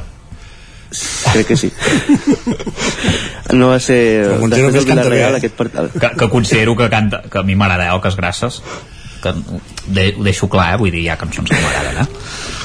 John Brown, però per crec que exemple. no va ser el partit ideal del Gatzaní aquest cap de setmana. Però és que el Barça va xutar tres vegades a porta, eh? I la Al segona, camp del la Girona. segona part un, És un que quina xut, sort que té el Barça. Quina sort que té La el segona part un xut, un gol. És, és sort o és saber jugar estratègicament en defensa? No, és sort, és sort, perquè el Ter el Stegen els està salvant el, el, els mobles a tots els partits. Però Perdona. no ho esteu veient, que ca- cada partit és el millor jugador, quasi bé. Perdona, però és que en, en, no qualificar de sort el gol perquè, ostres, Sí, sí, la, les mans de, del porter del Girona és que com si no en tingués, eh? Ostres, Sí, sí. no, no fotem. Eren per robar panderetes aquelles mans, en aquell moment. Que, Home, no. que en, en Pedri havia de ser allà? Sí, home, naturalment. Clar. Perquè, esclar, jo, jo ja només faltaria que es fotessin el gol ells mateixos. Però eh, ja us van donar moltes facilitats, eh? El màxim de facilitats us van donar perquè marquéssiu. Home, no fotis. Però això és un, és un joc, això. No, no, ja ho sé, que és un joc. I a vegades... I, es- i es diu futbol. Sí, I es juga amb els peus. Sigui, Perquè si jugués amb les mans seria més precís, eh? Sí, perquè si el porter, Exacte. si el del Girona no hagués jugat amb els peus, no hauria, el Barça no hauria marcat. Perquè almenys Això- hauria allunyat la pilota. això són hipòtesis, Lluís, són hipòtesis. No, no, són realitats eh, pures i dures. No, com són hipòtesis. Un, una centrada que no porta cap perill, el porter dorm i, i li regala la pilota en Pedri. Això no són hipòtesis, això és un regal com una casa de pagès i Barça, vinga, suma 3 punts i estigues ben content i, i, més durant 8 cinc, dies. i més 5 Fotis, home. més 5 anar fent forat eh, s'ha de fer això i ja dic i, Si perdeu el camp del Betis di, di, que, o que, que, dijous, que pot ser vull dir, al, Ja- final, ja de, veuràs. de, al final de la Lliga els equips que guanyen la Lliga sempre acaben perdent 4 o 5 partits vull dir, el Barça en deu haver perdut un no? Uh, bueno, és, és, un dels ca és, és un dels camps on és un dels camps on pots perdre. Jo crec que una dada positiva és aquesta de, de la solidesa en defensa que això va molt lligat crec també a la presència de, de l'Araujo i que si el Barça mm, pot tenir la defensa que, que té doncs bueno, això és un punt de partida al final tenir la porter, mantenir la porteria zero és un punt de partida molt bo perquè vol dir que només pots guanyar si tens la porteria zero és més, és més decisiu o no pots empatar amb la porteria. Sí, per això, però vull dir que no... Que només, No, no pots no, perdre. no, no, però, no, no, però em refereixo com a punt de partida, perquè el punt de partida ja és l'empat. Llavors només pots guanyar. Però de totes maneres eh, el porter déu nhi eh, com està. Bueno, però, però, és que, però és que el porter també juga, no? Ah, sí? S'ha posat cabells, s'ha És posat que- cabells i és- això és ha que el- donat un és que el, plus. el porter també juga aquesta No. és, és una altra confusió de o és que els ha salvat el porter bueno, eh, a vegades dir, si, això, si el que fa gols el davanter centre sembla normal, No, però- i si és el porter no, és que el porter És que també parles, juga tu Parles de, de, la, de la seguretat defensiva amb, en, Sí, amb però l'Araujo, que el- però tot i amb això arriben eh, ocasions pel contrari Sí. i el porter les ha de el treure. porter també Això és el que vull dir. el porter juga i el porter forma part de, de, de la defensa també, no? encara que la Real Societat també va, va tenir porter ahir, també. el porter va parar i també Sí. va fer un, una parada bona també el, el Madrid jo crec que el, bueno, la, són, és vistós el joc que fa el Madrid i quan en Vinícius eh, es posa diguem a, a driblar i fer canyos però això eh, té una transcendència relativa diguem, tu pots fer això la gent s'anima, fa aquests, aquests, aquests amanellos no? que aixeca el públic Mhm. bueno, tots el, a tots els camps ja el coneixen i és un jugador que jo crec que, que no, és, no és determinant a mi m'agrada més l'altre el, el Rodrigo aquest crec que sí que perquè Vinícius no, no, no té definició no té, o sigui, hi ha una jugada que la, que la fa, que ho fa tot bé i no, no, és, no, és, no és imputable en ell l'error, perquè ho fa bé xuta, però, però xuta fora no? no en xuta tampoc entre els tres pals diguem, no, la, no la toca el porter jo crec que és un jugador, que sempre ho dic, dic a mi m'agrada més en Carrasco, no, no el de l'Atlètic de Madrid el del Barça Em pensava que anaves a dir el davanter del Camp de Bano. el, el, el, el, el, el, aquest no el conec però el Lobo Carrasco era, Molt bo, també. era, era exageradament més bo que en Vinícius o sigui, molt més bo el que passa que clar fa 40 Però anava al anys córner. bueno, Al córner. però, però, feia, Era no, no, però, però feia el mateix me- més efectiu No, jo al Vinícius el, el que li portaria, doncs, no sé si un psicòleg... Ja el coneixen a tots els camps. Però, vull dir, en, en sap molt de jugar a futbol, però d'altres coses... No, de jugar a futbol no en sap. Sí, home. No, home, no. Com que no? El que sap és, el que sap és, Així- és el, el, el, el sap. que sap és fer malabarisme. Jugar a futbol és una altra Ah, cosa. vale. Ah. És veritat. Jugar a futbol és una altra Per- cosa. Jugar a és futbol... veritat que l'altre dia el jugar- vaig veure a la Rambla, Jugar a futbol... Jugar a És el que futbol... fa Busquets. Jugar a futbol... Exacte. Sí. Amb O sigui, que ens exacte. avorreixen a tots. Ju- Jugar a Els que futbol... no som del Barça. Jugar a futbol és, és entendre que això és un desafiament col·lectiu, que tu, que tu t'has d'associar, que si cooperes ets millor, no és agafar la pilota i, i driblar i anar a fer gol, que és el que fa, això no és jugar a futbol. Eh, o és com, com, com, com, no sé, un davanter centre, hi ha davanters centres que només saben fer gols. Aquests no són bons jugadors, aquests són especialistes. Un, un davanter centre bo és en Benzema. Per què? Perquè, perquè té gol, perquè sap jugar d'esquena, perquè s'associa, perquè entén, perquè sap anar a l'espai, perquè entén, perquè entén el joc. Aquest és un bon jugador. Un que només fa gols, no. Home. No. I estàs parlant per algun en concret? Bueno, n'hi ha molts. Un de Pelé, per exemple, Ah. no? En Dembélé, No, Dembélé no fa gols. En Dembélé per mi, ja ho he dit a vegades, en Dembélé per mi No tampoc, tampoc és un bon jugador, però ja ho he explicat, jo tinc la tesi Al, que... almenys ets conseqüent. No, jo I en tinc, Cristiano Ronaldo és un bon jugador? Jo, jo tinc la tesi que, gols? que, jo tinc la tesi que, que com que el futbol ara s'ensenya i, tot, i, i tothom l'ensenya igual, hi ha, hi ha molt poques diferències. I a mi per això no hi ha bons jugadors perquè tots són iguals. I que llavors els que destaquen no és els que són bons, els que són diferents. I en Dembélé és diferent perquè té una virtut que és que els jugadors o són dretats o són esquerrans. I aquest és dretà i esquerrà. I això Bueno, però això també ho sóc jo. i, això, li, I això li dona diferència. Perquè quan encara no saps si sortirà per aquí o per allà. I això no és que sigui bo, és que és diferent. Jo crec que aquesta és una... I llavors de bons n'hi ha, no n'hi ha gaires, eh? N'hi ha tres o quatre de bons. Un és l'Mbappé, eh, l'altre és Haaland, no? Haaland. Bueno, Haaland sap fer gols, no? No, no ni, sí, però Haaland, per les condicions físiques que, que té, jo crec que és una mica més que, que saber fer gols.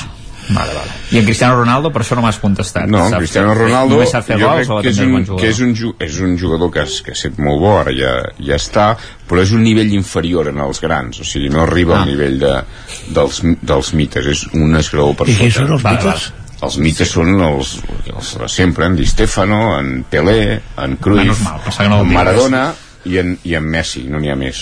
Són I ja aquests. està. Lluís, Són eh, aquests, no n'hi ha més. Bé, bé, bé, No si no, no n'hi ha més. si no n'hi ha més... Ja està. Paraula d'Agustí. Lluís, content també per en Rubí i en Jaume Torres? O no tant? Home, eh, sí, sí, per ell sí, per ell sí. El que passa és que sembla... si no et presentes en un partit, el perds, naturalment. I això és el que va passar. Vull dir que eh, simplement no hi vam ser, i vam, vam ser per Almeria, es veu, van, devien anar a bars o alguna Ah, cosa d'aquestes. finos. I no es van presentar, i clar, llavors... eh, I la llei de l'ex, eh, Lluís? La llei de l'ex. Exacte. Dos ex. Exacte. El Baptistao i en Mare. i em Batistau encara, però és que l'altre la, la, la, la, el vam enviar per una toia vull dir que té l'altre un canvi del lazo aquest això Just li, li posaria un llacet i em fotria al carrer. I, i en l'altre l'embarba que tampoc és, és que fes gaire cosa i que jo dic que aquesta temporada el que ha fet ha estat aquesta mitja part perquè només va fer la primera part contra, contra l'Espanyol. Però ja està, vull dir que tenim una lliga de 10 i nosaltres doncs hem de competir per, amb aquesta lliga de 10 i espero que eh, quedem campions d'aquesta lliga que ja estaria bé Fins ara aquests dies anàveu bé, per això fins aquesta... Però tu, Lluís, és bo perquè tens molt... O sigui, l'Espanyol quedarà campió de la- d'una lliga, la Real Societat campió d'una altra lliga. Llavors hi haurà una altra... Tu, això és, és un desmanec, això. No sé com ho farem per, per donar el títol. però és que per, vosaltres si quedeu, si, si quedeu segons de la vostra és, és un desastre horrorós és, és així com van les coses no, jo m'agradaria que, que la cosa fos més igualada jo m'agradaria que hi haguessin cinc equips aspirants al primer lloc en, en lloc de, de dos m'agradaria una, una sèrie de coses que de moment no, no es produeixen i de, de moment ens hem d'aguantar i guanyar la nostra lliga Veurem com evoluciona i parlem dilluns de la setmana que ve. Gràcies, Lluís, Agustí, Isaac, Pol, bon dilluns. bon dilluns, Bon dilluns. I acabem al territori 17. Hem engegat a les 9 del matí. Us hem acompanyat des de les hores Isaac Muntades, Laura Serrat, Pepa Costa, Esther Rovira, Roger Rams, Pol Grau, Guillem Sánchez, Lluís de Planella, Agustí Danés, Sergi Vives i Isaac Moreno. I tornarem demà, que serà dimarts, a partir de les 9 del matí. Fins aleshores. Bon dilluns i gràcies per ser-hi. Adéu-siau.